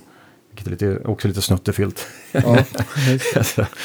Ja, men det rör sig lite, det är trevligt. ja, ja, visst. Ja, det är skitcoolt. Speciellt om man kör så här tremolo picking och liksom någon snabb grej. Och bara har på den där. Liksom, då, Det händer så mycket mer. Liksom. Om, man låter bättre för det, det sticker fram lite mer i ljudet. Liksom. Ja. Man blir glad. Helt Ja, man blir glad. Ja. Så här, eh, och sen vad har jag? Jo, eh, Overdrive. Där har jag en pedal som heter Precision Drive. Och ett företag som heter Horizon Devices. Just det. Jag har inte provat. Mm. Det är, eh, det är en ganska ny produkt. Den är framtagen först och främst för lite tyngre musik. Eh, Om man till exempel distar stärkan väldigt hårt och man vill ha bättre eh, tajthet i ljudet. Liksom. Eh, fördelen med den här pedalen är att den har, där kan man ställa in den här tajtheten. En attack knob. Hur mycket bas den ska skära. Ja, just det. Så det är en base cut typ. En slags base cut. Ja. Så att eh, det funkar väldigt bra för om man stämmer ner väldigt mycket. Ja. Eller gitarrister som kör sju strängar till åtta Ja. Då kan man liksom ställa in det och ta bort, skära bort mer och mer liksom, för att få det här smället i ljuden. Liksom. Och eh, ja, jag har ju ändå, det är sis. Liksom, Ja, det är ganska lågt. Det är ganska lågt och så Ja. distar jag ganska hårt. Om man som du har Ja, det blir blurrigt om du vill... Fyra eller sex botten. Ja, blir som står bakom liksom. Ja. Det, det blir inte det här tajta distinkta om man spelar snabba riff och sådana grejer. Liksom. Och, eh, och sen har den även inbyggd eh, noise gate, Just det. vilket är helt fantastiskt. Ja, då får du liksom, det blir som en, en extra, skulle kunna vara en extra pedal liksom. Ja, men precis. Men kör du den på hela tiden då eller? Ja, den är på hela tiden. Ja. Eh, och eh, jag tycker det är så gött att bara lämna pedalbordet på scenen med stärkan på utan att det är brus. Ja. Liksom, förut så hade jag alltid på, jag hade den där Dodd, Yngve-Dodden. Ja, Och den brusar ju som satan. ja den låter Ja, mycket. så att, eh, det lät som en bisvärm. Så att, eh, den dig- diggar jag väldigt mycket den. Men kör, distar du på en, stärker någonting med den också? Eller använder du den? Nej, inte så mycket. Jag, jag, jag maxar den här eh, volymkontrollen. Eh, och sen eh, gain-knappen har jag ytterst lite, nästan Ja. inga alls. Så det blir bara någon slags boost. Boost. Ja, Ja, just det. Vad är det som, vad är det som du, eh, vilken stärkare är det du kopplar till då? Som, kör Marshall JSM 900 SLX. Den jag brukar spela med live Mm. med det bandet. Och den har ju otroligt mycket dist, den stärkan. Mycket mer än vad man kan använda. Så att min är ju bara inställd på, det är två diskknappar. En som heter preamp och en som heter gain tror jag. Eh, så, så de är väl på klockan 12 bara två. Liksom, och redan där är det på gränsen. Liksom. Det är väldigt distat. Men det blir lätt, det blir otajt. Liksom. Det, blir, det blir inte så distinkt. Och därför har jag alltid an- använt OD. Just för den grejen. Liksom. För Ja, den det. rensar upp. Precis. Och, så den är liksom... Så- Den är en du, del du av använder den på samma sätt som du använder Yngve Dodden liksom. Ja, ja, Att den är på hela tiden. Den är en del av ljudet. Och boostar lite liksom. Ja, lite Så att boost. stärken får lite... Ja. Precis. Vad händer efter den då? Uh, nu ska vi se. Eh, det är väl... Ja, sen... eh, precis. Det är allt. Ja, sen stämmare. Har jag, jag har alltid stämmaren sist. Medvetet. För att om det blir något problem med kedjan så trycker jag alltid på stämmaren och ser om jag har ton där. Och har jag ton då vet jag att hela kedjan fram till stämmaren är intakt. Ja, just. det. Så då kan jag liksom rule, rule out de andra pedalerna. Liksom. det är bara att se till att inte kor sätter på när man ska stämma. Ja, precis. Ja, då fladdrar det. Men du, hade du inte någon sån här Eh. smart lösning med någon liten looper med delay on boost? Eh, jo, då kommer vi till effektloopen. Där har jag, eh, det köpte jag alldeles nyligen från Discos 11, en ny pedal som heter, eller jag vet inte om den är ny, One Control. Eh, mini-looper. Så att det är alltså en mini-loop, de har både för en loop och två loopar. Och i den här loop, loopen har jag kopplat in mitt delay och min eh, boostpedal. Är det den som man kan stänga av på buffen också va? Den här har inte buffer, men det finns en med buffer också. de, de gör den där i tre olika varianter nämligen. Ja. Jag har den med buffen, för den buffen är så himla bra. För den är, om man vill ha och jämföra eh, vad som, hur mycket signal en pedal snor i kedjan och sånt där. Så kan man ju liksom Precis, in ut till gitarrförstärkare så av och på med buffen där. precis. Ganska smidig pedal. Ja. Så de- den har två, har den två kanaler den eller? Ja, precis. Eh, eh, den har två loopar den eh, som jag har. Och, men då har jag bara i en loop har jag lagt delay och boost. Bara för att få ner, men när det är dags för gitarrsolo då, har jag alltid tryckt igång både boosten och delayet. Ja. För att få högre volym och, och det, är ibland, det blir lite irländsk folkdans. Lite för mycket, så då på ett tryck bara får jag mitt sololjud. Mindre, mindre Riverdance helt Ja, enkelt. Mindre riverdance. Och det är ju skitsmart också och- att du har lagt då en... en, det, en det tåls ju att påpekas att du har en boost i loopen på stärken då. Ja, För att höja volymen och utan att ändra gain-strukturen liksom. exakt. Eh, Ja. lite solo-kick helt enkelt. Ja, ja visst. Och det har jag också för att, eh, för att pedalbordet ska passa till alla förstärkare. Men när man kör flygigs då är det ju, ja vet man inte vad man får. Nej. Men Vad är det värsta du vet att få som ofta ändå dyker upp ibland? Förutom att en gitarrförstärkare, det finns ju de som är dåligt servade. Det, kan- Ja, ja, det ja, kanske precis. inte räknas. Det, men det värsta jag vet det är nog Marshall JVM med fyrkanalerna. De blir jag inte klok på. men de är, det är fruktansvärt. mycket kompression och mm, ja, Ja. lite skräpigt. Liksom. Och, och den ställer om sig och hoppar mellan kanaler och Jaså. Och man ställer in den med effektloop. Det är en knapp i effektloopen. Ja, just det. Så man måste Och när man slår på den igen, då är den borta. Så kliver man på scenen och ska dra igång en solo och det funkar inte loopen. Så att, sådana här grejer. Så att det, det är för mycket jox med den där. Ja. Den diggar jag inte. Jag gillar de här en eller två kanalerna. Liksom. Oftast är det JSM 2000 eller JSM 900. Vilken JSM 2000?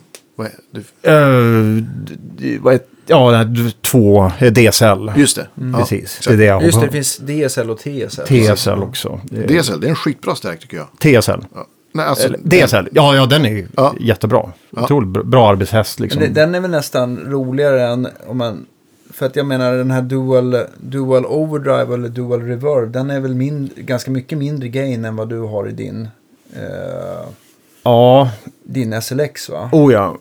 Och sen är Dual Reverb är ju klippdistorsion där också. Den låter inte lika roligt. Lite vassare och... Men nu är ni på JSM 900 va? Ja, precis. Ja, ja precis. Ja. Exakt. 900. Mm.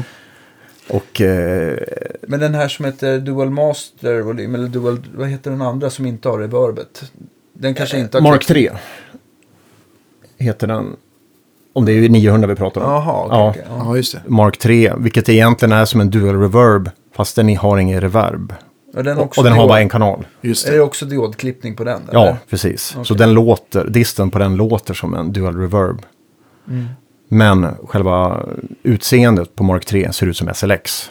Okej. Det, vill, det vill säga att det är en kanal med eh, dubbla mastervolymer. Men SLXen den är klart roligast i den där familjen. Helt enkelt. Absolut, absolut. Den är så här, den har folk inte förstått hur bra den är. Man kan hitta dem ganska billigt. Nej, Kanske inte efter det här. ma- ma- Marshall-konnässörer eh, vet väl om det, så här, men det... Ja. Men, Nej, man kan men, men jag billigt. tänkte eftersom eh, Kalle sa att du var Folkesson-kille sådär. Har du gått igenom det, den svängen också eller? Eh, ja, jag hade en Folkesson. Det var en eh, JSM 800 Top, sån här tvåkanalare som jag inte tyckte var så kul. Som jag moddade. Folkesson. Eh, och, eh, men den har jag inte kvar. Jag körde den ett tag. Och sådär. Sen tröttnade jag lite grann. Innan det blev 900. Mm. Och så. Är, det nå- är det alltid att du får Marshall, att du spesar det och så står det på scenen? Eller kan det dyka upp någon 5150 eller något helt annat också? Ja, det kan jag göra. Jag har bara spesare. Det måste finnas effektloop och dist i stärken. Eh, det är, för då kan jag alltid liksom få solo boost och eh, stärka dist. För annars måste man börja ta med distboxar och sånt. Och eh, jag kör aldrig distboxar. Mm. Har du, hit, men har du hittat någon distbox som du ändå skulle kunna tänka dig att leva med? Eller är det alltid stärkardisten som vinner? Eh, ja, det är det. Men eh, distboxar jag gillar väldigt mycket. Det är ju eh, Wampler. Jag testade ett par som var väldigt bra drag i. Mm. kommer inte ihåg vad de hette, just de modellerna. Men jag gjorde någon shootout eh, förut. Och även eh, 5150. Fantastiskt bra. Den är bra, jag den Mycket MXR bra. där om man vill ha. Ja, Ja. Låter stärka, stärkigt. Ja, det gör den. Men den påminner väldigt mycket om 5150-toppen från, från EVH eller Fender. Ja, det kanske den gör. Ja, Ja. Väldigt mättad och, och fin. precis. Annars är jag inte så eh, hemma i distpedaler. Jag, jag spelar aldrig på dem. Så Nej. att, eh, Ja. Så att, eh, ja det är det. Det ska vara loop och dist. Det är det som är på. Men, men en JCM 2000, det, det känns ju som att det har blivit den nya lite så här backline-standarden. Det som var JCM 900 ganska länge. Ja, precis. av- Så att de finns ju nästan överallt. ja, Ja. det är kanon. De funkar Ja. jättebra. Ja. Men de finns väl inte i produktion? Eller gör de det? Eh, Jag jo, vet- jag vet inte. de finns... Eh, nu tillverkas de i Vietnam. Men då heter de inte JSM 2000. De heter bara DSL. Jaha, okej. Och De, de har lite annorlunda look. Ja, men de låter väl inte riktigt likadant va? Jag vill minnas att jag provat någon sån här Asien Marshall och blev väldigt eh, be, be, bedrövad. Ja, ja, jag tyck, de jag provade var det okej. Eh, Inte jättekul, men helt okej. Eh, funkar. Men det, det är en ganska stor skillnad mellan JSM 2000 DSL och den som bara heter DSL. Okej. Och sen har jag märkt att de här JSM 2000 diffar ganska mycket i ljudet också. Från starkare till starkare. Kanske hur de är alltså, servade och... Ja, Bias ja jag, vet, jag vet inte vad det beror på. Men... Mm, säkert. Och sen så högtalarlådan spelar ju väldigt stor roll i vad man får. Oh ja. Men eh, ofta så står det väl en sån 1960 Marshall kan jag tänka mig på scen. Ja, det funkar ju. Eh, eh, Jag föredrar Mars, Vintage eh, Marshall, eller med Vintage 30 element då. Vintage 30, ja. Ja, Mm. eh, Som den där, den har Vintage 30. Ja. Det står Vintage nere. precis. Och sen så, sen så finns det ju greenbacks och sånt där. Men det kanske blir lite för svampigt och grötigt för dig. Eh, jag, har, jag har nog aldrig spelat på greenbacks på ett gig. Så jag gillar greenbacks, typ, här, men kanske inte till våran musik. Nej. Det ska vara lite tajtare basreflex liksom. Men, men med andra bandet Wet då? Vad, Ja. Är det någon helt annan eh, uppsättning på gitarrljudet där? Nej, igen, det är samma. Uh, Wet är ingen band vi spelar med live heller. Det är bara ett skivband. Vi har gjort tre skivor och en uh, live-skiva. Okej. Vi släppte en ny skiva senast i fredags faktiskt. Ja, just det. Precis. Med det bandet. Men det är bara eh, lite så här superstarband. Med Jeff Scott Soto. eh, gamla Talisman och yngre sångaren. Journey Och, också. och Journey, ja. Och Erik Stort. som producerar det bandet och skriver. Och, eh, och sådär. Så, Vilka är mer med? Om man... eh, Robert Schell från Work of Art. Eh, är med i det bandet också, skriver en del. Och Robban Beck, gamla Eclipse-trummisen som numera spelar i Mustache. Mm. Det, är, det är vi. Vem spelar bas? På plattan spelar Erik bas, men live har vi Andreas Passmark. Ja, som spelar från Royal Hunt. Mm. Vad gör, vad gör Jeff Scott Soto annars? eh, just, Eller jo, det Ja. var väl han vi pratade om. ja, precis. Eh, just nu har han bundit upp sig med ett nytt superband som heter Sons of Apollo. Eh, med gamla Dream Theater-trummisen och keyboardisten och Billy Sheehan på bas. Och vad heter han, Ron Bumblefoot på gitarr. Just det. Ja. Mhm, det låter... Lite proggigt projekt. och Väldigt bra faktiskt. Mm. Och så han kommer, de har bokat upp sig för två år framöver. Så att därför kommer det inte bli någon gig med det här bandet Wet heller. Kanske nästa platta. Ja, jag, jag tror inte det. Men Nej. vi låter det vara ett skivband. Så Ja. får vi behålla musiken. Ja, ni har ju att göra med Eclipse. Ni har ju turnerat väldigt mycket. Ja, ja visst. Vi har fullt upp åren. där också. Ja. Så att, Hur ser det ut framöver här nu då? Är sommaren fullbokat för er eller hur? Eh, ja, precis. Uh, imorgon ska vi till Gävle och spela. Och sen Det, blir blir, det, det här kommer ju sändas tyvärr några veckor för sent för Ja, att kolla Ja. in Gävle-giget. ja, precis. Och det missar ni. Och sen veckan efter åker till Jönköping och spelar. Eh, det missar ni också då antar jag. Men eh, efter det åker till Japan och spelar två spelningar i eh, vad heter det? Osaka och Tokyo. Fruktansvärt coolt. Ja, det ska bli riktigt Ja. kul. Men där har ni varit förut också. Ja, en gång förut. Då Ja. körde vi ett gig i Tokyo. Mm. Det var mer som på prov. Vårt japanska skivbolag tog dit oss för att testa. Hur var det- då? Alltså, hur är, är Eh. det sådär annorlunda som alla säger? Och liksom, Ja, superhängivna fans och... ja extremt får man säga. Det är för mycket.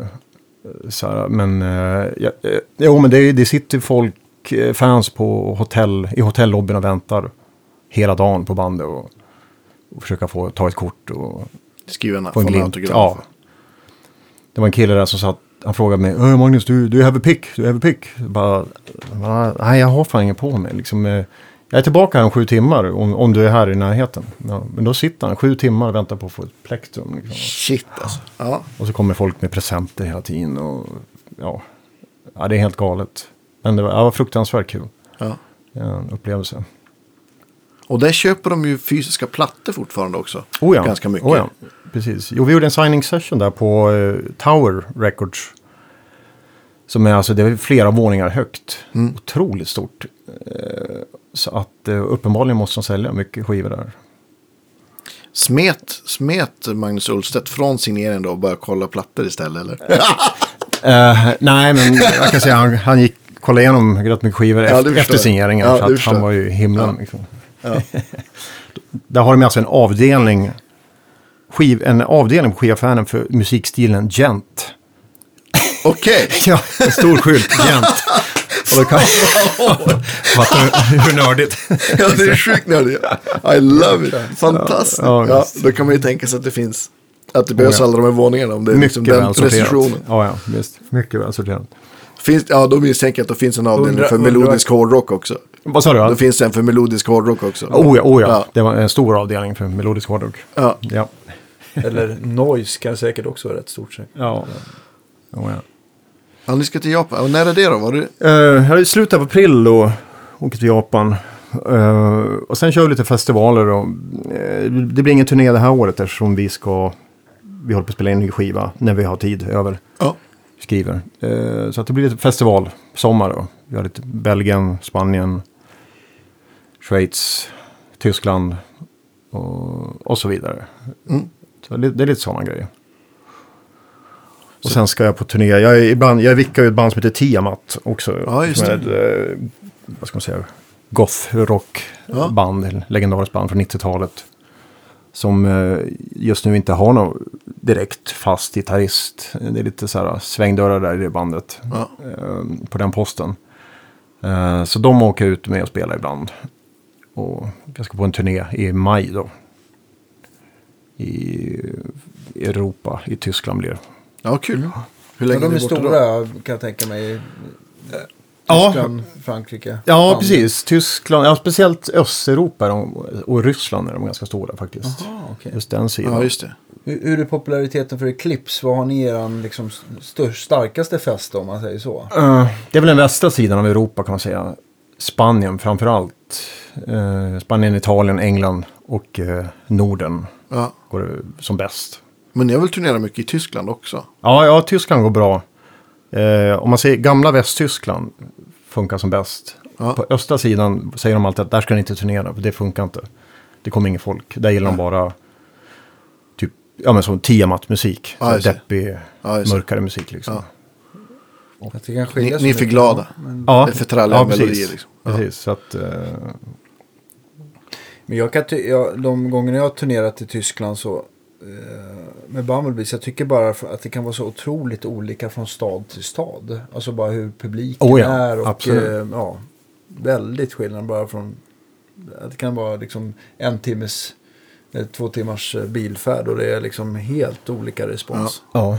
Östtyskland tycker jag har alltid varit jättebra respons. Av någon, så här, Leipzig och Dresden och Trebsen och... Ja, ja. ja, där har jag inte varit. Men jag ska åka dit nu med Ja. Tiamat och då får jag testa får på det också. Kan, Ja, ja. Ska vi prata om det nästa, Ja, precis. nästa sväng. Så när, men ni, ni ska göra en ny platta. Blir det fokus då kanske efter festivalsommaren i höst att göra klart det då? Eller? Eh, ja, precis. Ja, just nu hittar vi de luckor vi har. Så att Ja. jag var hos Erik för några veckor sedan och skrev. eh, och sådär. Så, vi, Ja. Så att det inte blir panik sen när det börjar nå deadline. Mm. Så att vi har lite kött på benen. Liksom.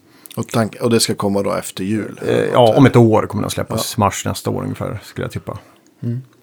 Det kan ju vara kul. Alltså, i, I klipp så spelar på plattorna så spelar ju både du och Erik gitarr. Live är det ju mest du va, eller hur? Eh, ja, precis. Eh, på plattorna så kompar vi lika mycket. Och Ja. så är jag leadgitarrist. Ja, Live så, Erik, eh, han måste även bära frontmanrollen. Så att eh, han kör ju, ja, gitarr några låtar. Men sen frontar han liksom Mm. mest. om man lyssnar på plattorna för vi tänkte vi ska göra någon fin Spotify-lista med grejer som du har spelat på. Kanske inte ja, bara i Clips och Wet utan lite annat också som du spelar fina solon på. Så. Men, just i Clips, vilken, vilken högtalare är du och vilken är Erik? Oj, eh, jag, eh, senaste skivan Den som... som låter bra. Ja, precis. Eh, Senaste skivan Monumentum, där är jag i högra Ja, högtalaren, Erik är vänstra. Och jag spelar på en Marshall eh, Slash AFD-topp. just det. Och Erik kör på Wizard. Och så, ja, det blir en väldigt bra mix mellan de punchigt ljud. Ja, det är otroligt. Asfett gitarrljud. Ja, det är riktigt bett ljud den här, på den skivan. Alltså. Är den, är den eh, Slash-toppen och SLXen, är de lika varandra i ljudet? Eller? Nej, eh, inte alls skulle jag vilja säga. Jag har för mig att den här Slash-toppen är ganska ja, mer kompression va? Att den är liksom lite... Ja, den är ju väldigt färgad. eh, Liksom, men det är som eh, Erik säkert sa när han pratade med er, att den, eh, den sätter sig i en mix, något fruktansvärt lätt, liksom pang, och sen sitter den där, det ljudet. Mm. Däremot när jag har kört med den live kan jag tycka att den är, har för mycket karaktär. att den är liksom för näsig. Speciellt om man är en gitarrist. Ja, visst. Den är inte så fullfrekvent. Nej, precis. Då tycker jag SLX är mer dynamisk och fullfrekvent. Och passar bättre live. För mig i alla fall. Ja, men det, det, det har jag upplevt. Jag har aldrig giggat på den slashtoppen. Men om man har spelat på den så det är ett väldigt... Det är ju verkligen en one trick pony. Den Ja, gör det är det, det där. Det, är liksom, det, det är ett ljud, det är det den gör. Och Det det, är gör den ljud. fruktansvärt bra. Ja. Men det är ju väl... Det är mycket näsigare och smalare än vad man tror. Eller, eller, eller Ja. rättare sagt, om man, och det kan man ju hitta på, på nätet också. Alltså solade gitarrer från Appetite till exempel. Så Oh ja. de, de låter ju assmå. Jättenäsiga. Otroligt näsiga. Men Ja. lyssnar man på plattan så då, det låter ju så bra som man bara dör. Liksom. Ja, precis. Ja, men det är som att man dragit en EQ-pedal och gjort liksom en liten Mount Everest. det, Ja, men liksom. precis. Vilket, vilket är de frekvenserna som gitarren ska höras i. Liksom. Där f- kliver En de fram verkligen. extremt sur gubbe på EQ. Ja. Ja, vad roligt. Extremt En ja, ja, ja. extremt sugen. Ja, men varför blev det på den plattan och varför blev det Slash-toppen istället för SLXen? Gifte den sig bättre med... Eh, Ja, vi, vi hade kört två plattor med SLXen eh, och eh, nu vill vi testa något nytt. Eh, Ja. Och eh, det blev... Ja, det blev lite mer punch i gitarrerna. Vad tycker du om Eriks eh, Wizard-förstärkare då? Ja, den är helt magisk. Helt magisk. Ja, Det var ju, vi var i Australien och spelade med Eclipse. Och det var ju då vi... Eh, jag skulle låna en stärk av en kille där som bodde där. Och eh, han frågade mig, Wizard, blev bra? Bara, ja, vad kul. Fan, får jag äntligen testa en Wizard som eh, bröderna Young har kört på. Liksom. Precis. Och, och jag kopplade in sladden och bara tog ackordet, A. Och det lät som ett jävla kärnkraftverk. Det var bara helvete. Bara, Erik, kom hit, kom hit. Liksom, han kom och han, bara, och han tappade hakan. Liksom. Ja. Det var liksom bara, där är ljudet. Det är Malcolm Young. Där har vi ljudet liksom, direkt.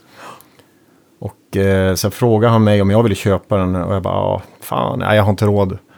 Och sen frågade han Erik och då slog Erik till på den. Ja. Vilket är bra.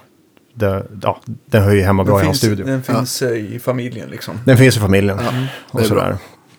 Så att, eh, nej, det är nog helt annorlunda. Det, om man Det är en ger- bra försäkring för att du aldrig kommer hoppa av bandet. Ja, precis. Ja, precis. Ja, och Erik kör ju Wizarden, när, han kör gitarr med Eclipse eh, så använder han ju den. Och Ja, det låter ju bra Ja. så fort han kopplar in sladden. Liksom. Kör- Live, kör du, kör du en eller flera stärkare eller har du någon backup eller hur har du? Eh, ja, jag kör ju eh, två stackar eh, identiska, två SLX och sen fyra lådor. Ja, Men eh, beroende på vilket ställe man är på, antingen kör jag bara baslådorna eller så kör jag bara en stack. Lo, vad- lodrätt, eller vad heter Ja. det? Ja. Eh, beroende på hur lyssningen. ja. Och sådär. Bara en mixerkille, han gnäller alltid på att eh, det är för hög gitarr, det är för hög gitarr. så bara, då försöker jag liksom få jag blir så något... förbannad på många ljudtekniker. För sen så ska man gå ut och lyssna på deras inspelade mix till exempel. Och så bara, men vad fan vad låg gitarren är. Och så vill man, Ja, förlåt, inte alla, nu drar jag alla över en kam. Men det har hänt allt precis. för många gånger. Ja, precis. Men samtidigt så kan jag tycka att mixerkillar, de måste ju kunna deala med att jag vrider upp till den volym jag är nöjd med och sen får de deala med det ljudet. Kan jag tycka ibland. För jag spelar inte jättehögt, jag jag ligger så här på tvåan, trean på min Marshall. Ja. Liksom, eh, men eh, ja, det är alltid gnissel. Och, bara, och sen även när jag har soloboost så får man ofta höra klagomål att Åh, det är för högt, Åh, det är för högt, måste jag dra ner. Jag bara undrar vilken nivå av gitarrist man måste vara för att ljudteknikerna ska sluta och klaga. Norum tror jag. Det, det klagar ingen. Tror jag. Nej, Det är bara det som nej, är. precis. Precis. Yngve lär ju inte. Men... Nej, det Oj, tror jag inte. nej, nej, Nej, nej, nej. Herregud. Det, jag läste någon intervju med, med Brad Paisley, countrygitarristen. Ja. Så, så frågar de så här, ja, men vad är den, vad är den största fördelen med att vara artist? Ja. Han var definitivt att jag får spela hur starkt jag vill på mina förstärkare. Ja. Det är ingen som kan säga något för jag är chef över alla. Nej. Ja, men gitarristen ska ju trivas också. Så Ja. Visst, man ska inte ha odrägligt högt. Men... eh, Ja, det ska vara lite... När man kompar och spelar solo, det är en helt annan grej. Liksom. När man spelar single string solo, då måste man ha med sjung och knuff. Liksom, för, att- och man måste höra att vad man ska spelar. bära liksom. Ja, man måste höra vad man spelar. För att, och då spelar man så mycket bättre också. Det- så det är inte bara med. ego, liksom, att Nej. man ska "Öh, se på mig, att jag ska höras. Utan Nej. man måste få det här hänget. Och man spel, vet, har man för låg volym när man spelar solo, Mm. kan man tendera till att krampa. Man tar i hårdare. Ja, men ja, man gör det automatiskt. Exakt. Ja. Vet, Magnus Hultstedt, vår basist, klagar ofta över det. Att han, om man inte hör basen, då börjar han krampa liksom, och spela hårdare med högerhanden. Och det är någon automatisk grej. Liksom. Ja. Och får man lite mer knuff, då slappnar man av mer. Liksom. Men du tar aldrig gitarr i, i wedgar så för att lufta upp? Oh ja, absolut. Så Ja. mycket jag bara kan. Ja. Det- Fan, det låter som att det är fruktansvärt starkt ibland. Men det kanske inte... Nej, det är inte det faktiskt. Utan eh, jag vill bara... Det ska höras liksom var jag än står. Liksom. Ja. Och så här, För det kan ju annars vara en, om man, liksom, om man, om man flyttar sig. Liksom. ja, precis. Men Så in hamnar i er, det får, det får underkänt. Ja, det är big no på den. Det är big alltså. no. Det kommer aldrig Eh, hända. Eh, digitala, alltså fractal och, eh, och eh, liknande Kemper och det där, är det också lika stor big no? Det är lika big no. Det kommer aldrig hända. Nej. Det är... Skönt, jag känner att vi är goda vänner redan. Ja, inget ont för dem. Det är väl den jättebra för de som gillar det. Och Ja. jag ska, men, Nej, eh, jag förstår verkligen varför folk vill använda precis, det. men det är så jävla trist. Fan, romantiken är helt borta liksom. Men bara ha en stärk och bara slå på den och Får rören börjar lysa den. och det luktar. Och man har den där. Man, Det börjar brinna. Ja, visst. Ja. Men whatever. Det är liksom... Ja. Ja, men det är som ett gosedjur liksom. att Ja. ha med sig. Och, En Sen- stuttefilt. Ja, en stöt, absolut. Det är, och speciellt man bygger upp så här, dubbla stackar och en stor rigg. Liksom. Det Ja. är en snuttefilt om något. Ja. Ja, man blir glad. Ja, visst. Även som publik. Ja, och, ja. Jag tyckte faktiskt Marshallvägg. öknamnet snuttefilt till Vavva, det var det mest passande. Ja, det. ja, ja, men det är. Det ska jag komma ihåg. Ja. Och sen har man ju ingenting att... Jag menar, vi gillar ju att prata gitarr och stärkare och nörda och snacka om det. Det är ju så fruktansvärt roligt. Men om man frågar någon, ja vad kör du på för stärk? Kemper? Jaha. Och sen blir det inget, sen dog den dis- diskussionen liksom. Eller hur? Ja, ja, lite. ja, vad har du för Kemper Det var lite grann som när Erik frågade runt där om olika, vad, vad lyssnar du på? Ja, ja, precis. Men vad ska man snacka om då liksom? Men det, ja, nej, men inte för mig i alla fall. Jag, Det tyckte jag var roligt. Innan vi började spela in här så berättade du att du, att du spa, samlar på 412 Att du så här, ja, jag har inte så många än. Jag har fyra, men jag, Ja. jag tänkte få upp till eh, sex, Sex. i alla fall. Ja. En eh, lite respektabel vägg. mm, verkligen. Så att, eh, Kör du Vintage 30 element i, i dem då också? Eller, eller kör du dem? ja, det är, det är lite mi- mishmash, eh, mixat.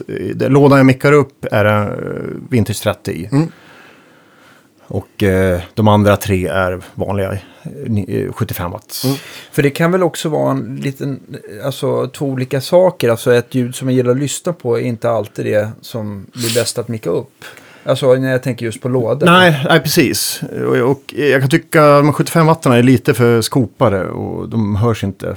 Ja, precis. Det blir lite, det blir lite glad gubbe på Ja, dem. det är glad gubbe på den. Och Vintage 30 är mer, det är som att ta bort handduken framför högtalaren. Liksom. Att där kommer ljudet fram. Liksom.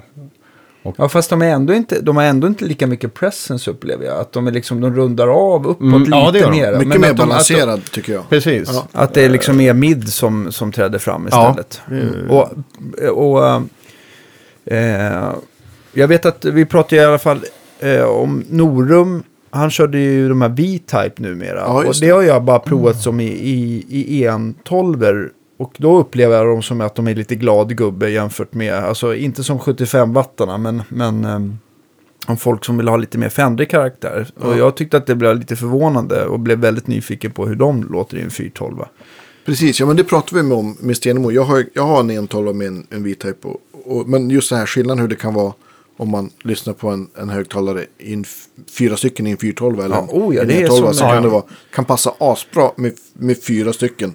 Ja men vi hade den här som, som jag gillar den här liksom G12M 20 wattarna Ja. som, mm. som 412 som låter fantastiskt. Men det, liksom, då är den klassiska rockljud. Men då är den 412 den är såklart stängd. Ja, Och sen så är den ganska stor, va? eller Precis, hur? ja, det är det. för att vi har ju lyssnat på de här 20 wattarna.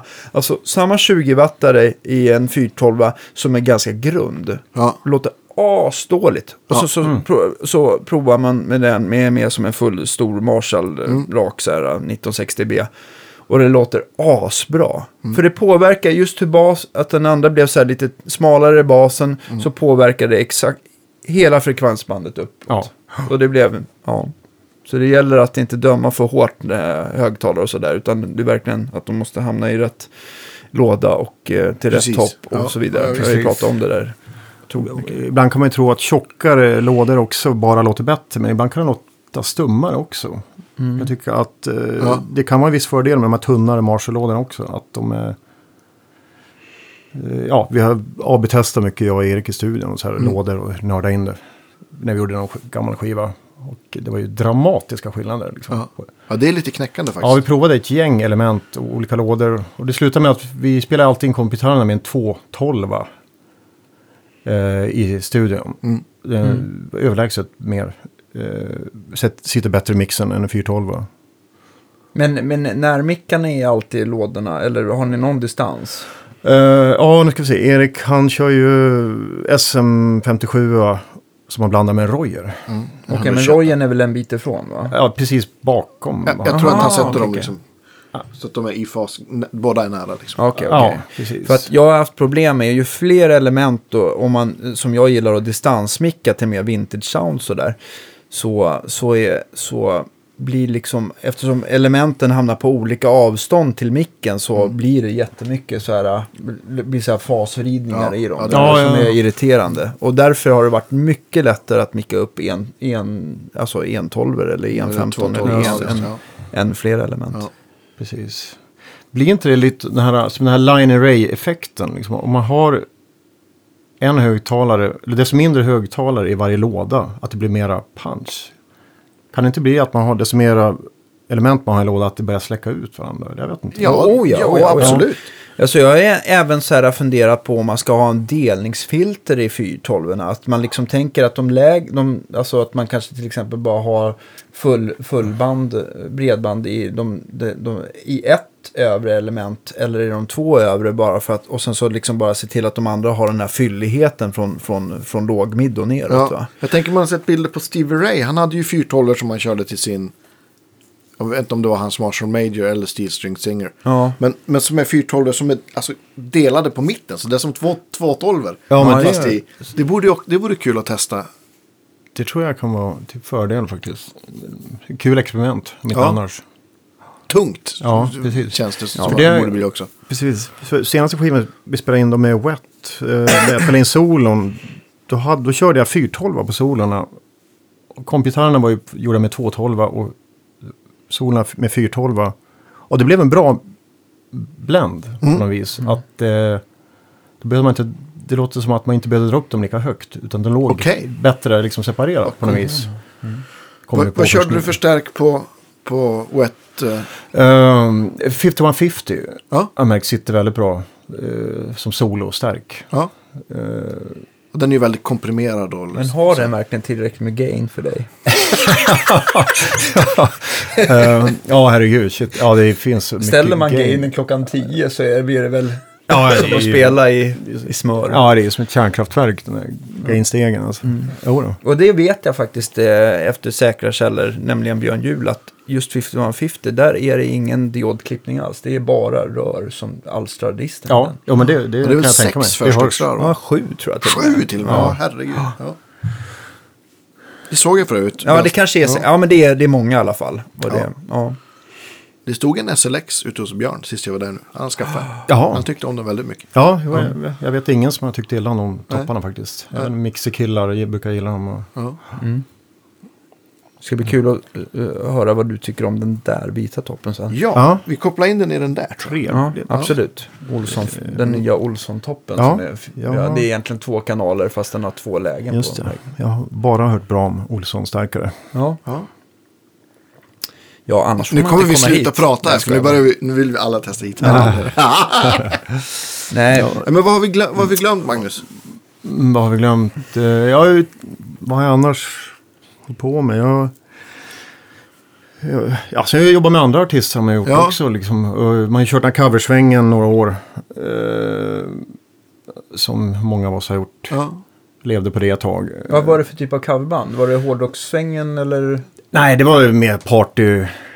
Party afterski. Åh, hela natten, Företag. Ja, exakt. Ja. Precis. Jag hade ett band som heter Power Unit. Eh, som vi körde mycket med. Så det levde jag på i ett antal år. Eh, Saknar du den? Ja, eh, nej, jag saknar inte det här eh, släcka småbränder och jaga 500 lappar för att betala elräkningen och sådär. det blev lite för mycket sånt efter ett tag. Eh, så att eh, nu tycker jag det är skönt att bara göra det på viss lagom nivå. När man slipper eh, jaga de pengarna liksom. Men eh, nu verkar det som att jag blivit med ett, ett annat sånt band helt plötsligt. Så att eh, ja, det är väl bara att köra på. Ja. Vi ska till Sälen och spela nu i, Ja. i helgen. Så att, eh, nej men det är kul, men det, det, man, man, har så, det blir så, man håller en hög lägstanivå när man kör mycket covers och håller på hela tiden. Och man giggar mycket. Ja, det är det bästa. Liksom. Precis, och det, är liksom, det brukar jag säga till om, man, om jag så föreläser eller, eller till om man har så elever som går så här på ja, men typ musikhögskola eller folkhögskola. Fan, ut och gigga, det går liksom inte. Ja. Det finns inget, det går liksom inte att öva sig till Man kan inte skillsen. köpa de timmarna på något annat Nej, det är sätt. helt omöjligt. Bara Måste spela bara på en spela, i tre år. Det är Alltså, asbra. ett, ett live-gig på en timme motsvarar ju säkert en, en 25-30 timmars vanligt spel. Ja, I, Och det, Ja, är ju precis. liksom, och, och det är också så här, och, att stå upp och, och, liksom, och spela inför en publik efter att ha spelat i två och en halv timme är något Ja. helt annat än att medan folk sit- skriker öronen på dig och kastar bärs på dina pedaler. Och, Ja, rycker i benet och Ja. en helt annan, annan och kunna Fan, leverera då. det En är. helt, ja. men det är en helt annan sak att kunna leverera då än att, Oh ja, oh än att sitta hemma i soffan med sitt favoritljud och, och liksom, Precis. det, det går liksom inte. Ja, precis. Alltså jag, jag använder ju alltid de åren till att jag, jag plankar inte så mycket solon när jag kör covers. Utan jag använder ju det, den tiden för att finslipa mitt eget spel. Liksom, Ja. för att improvisera min egen stil. Liksom, och, och, eh, vilket utvecklas jättemycket på. Liksom. Eh, Får jag bara fråga, så här, eh, åka till Sälen och spela afterski på, något, på någon ösig vecka. Hur, hur många dagar i rad klarar man av, av att se mänsklighetens förfall? ja, ja, men det är ju numera... Eller är det bara kul att folk öser så himla mycket? Nu eh, orkar jag med kanske två dagar. Och sådär. Förut körde man ju Österrike, jag tror som värst sju veckor i sträck. Och det var ju nog fruktansvärt. Men är den publiken annorlunda mot att spela i Sälen, eh, publiken så att säga?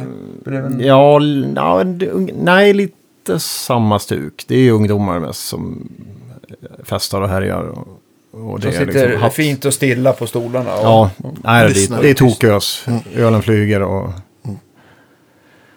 och sådär. Så att, eh, nej, jag är för gammal för det nu. Men man kan väl göra det någon gång ibland. Ja, men som sagt, rut- rutin går inte att öva sig till. Det är, det är as... Bara ut och gigga. Ja, ja visst. alla. Herregud. Just att man kan safea upp alla situationer som kan uppstå på en scen. Liksom vad som än händer, att man har den rutinen. är ovärderligt. Har, har du haft problem med fans eller publik i stort som har sprungit upp på scen och som du nästan fått slänga ut igen? Nej, ja, ja afterski-gigs har det varit så. Eh, Men inte våra egna gigs med Eclipse och sådana grejer. Men eh, jo, afterski där allt har hänt. Det är för mycket för att ens gå in på liksom. Eh, Eh, men har du något värsta minne i alla fall som du kan dela med dig av? Ja, men jag kommer bara ihåg en gång jag gick av scen mitt under gig. att jag, jag spelade inget mer. Jag vägrade. Det var, då spelade vi Balgerstein och det var en dansk pubrunda. Och folk var så jäkla dyngen och eh, det flög öl hela tiden. Och jag tror jag fick två eller tre starköl på mitt pedalbord. Och när jag fick den tredje ölen då var jag bara, nej, nu då hängde jag av gitarren och gick och satte mig. Att nu är det nog. Ja. Och eh, alla pedaler blinkade, det var error. Och, Ja. där gick mitt tålamod. Ja. Att, eh, Men vad fan! Ja, visst. Vad helvete med? Ja, visst. Folk stod mer eller mindre med pjäxor på pe- pedalbordet. Liksom, och då lässade man lite grann. Ja. Och sådär. Men ja, det är kul. Kul att ha gjort det också. Mm. Mm. Och så vad har jag annars gjort? Eh, turné, turnerade med Pandora, gamla technoartisten körde jag med. En turné och även E- Ja, E-Type. Precis. Så jag har kört den här technosvängen.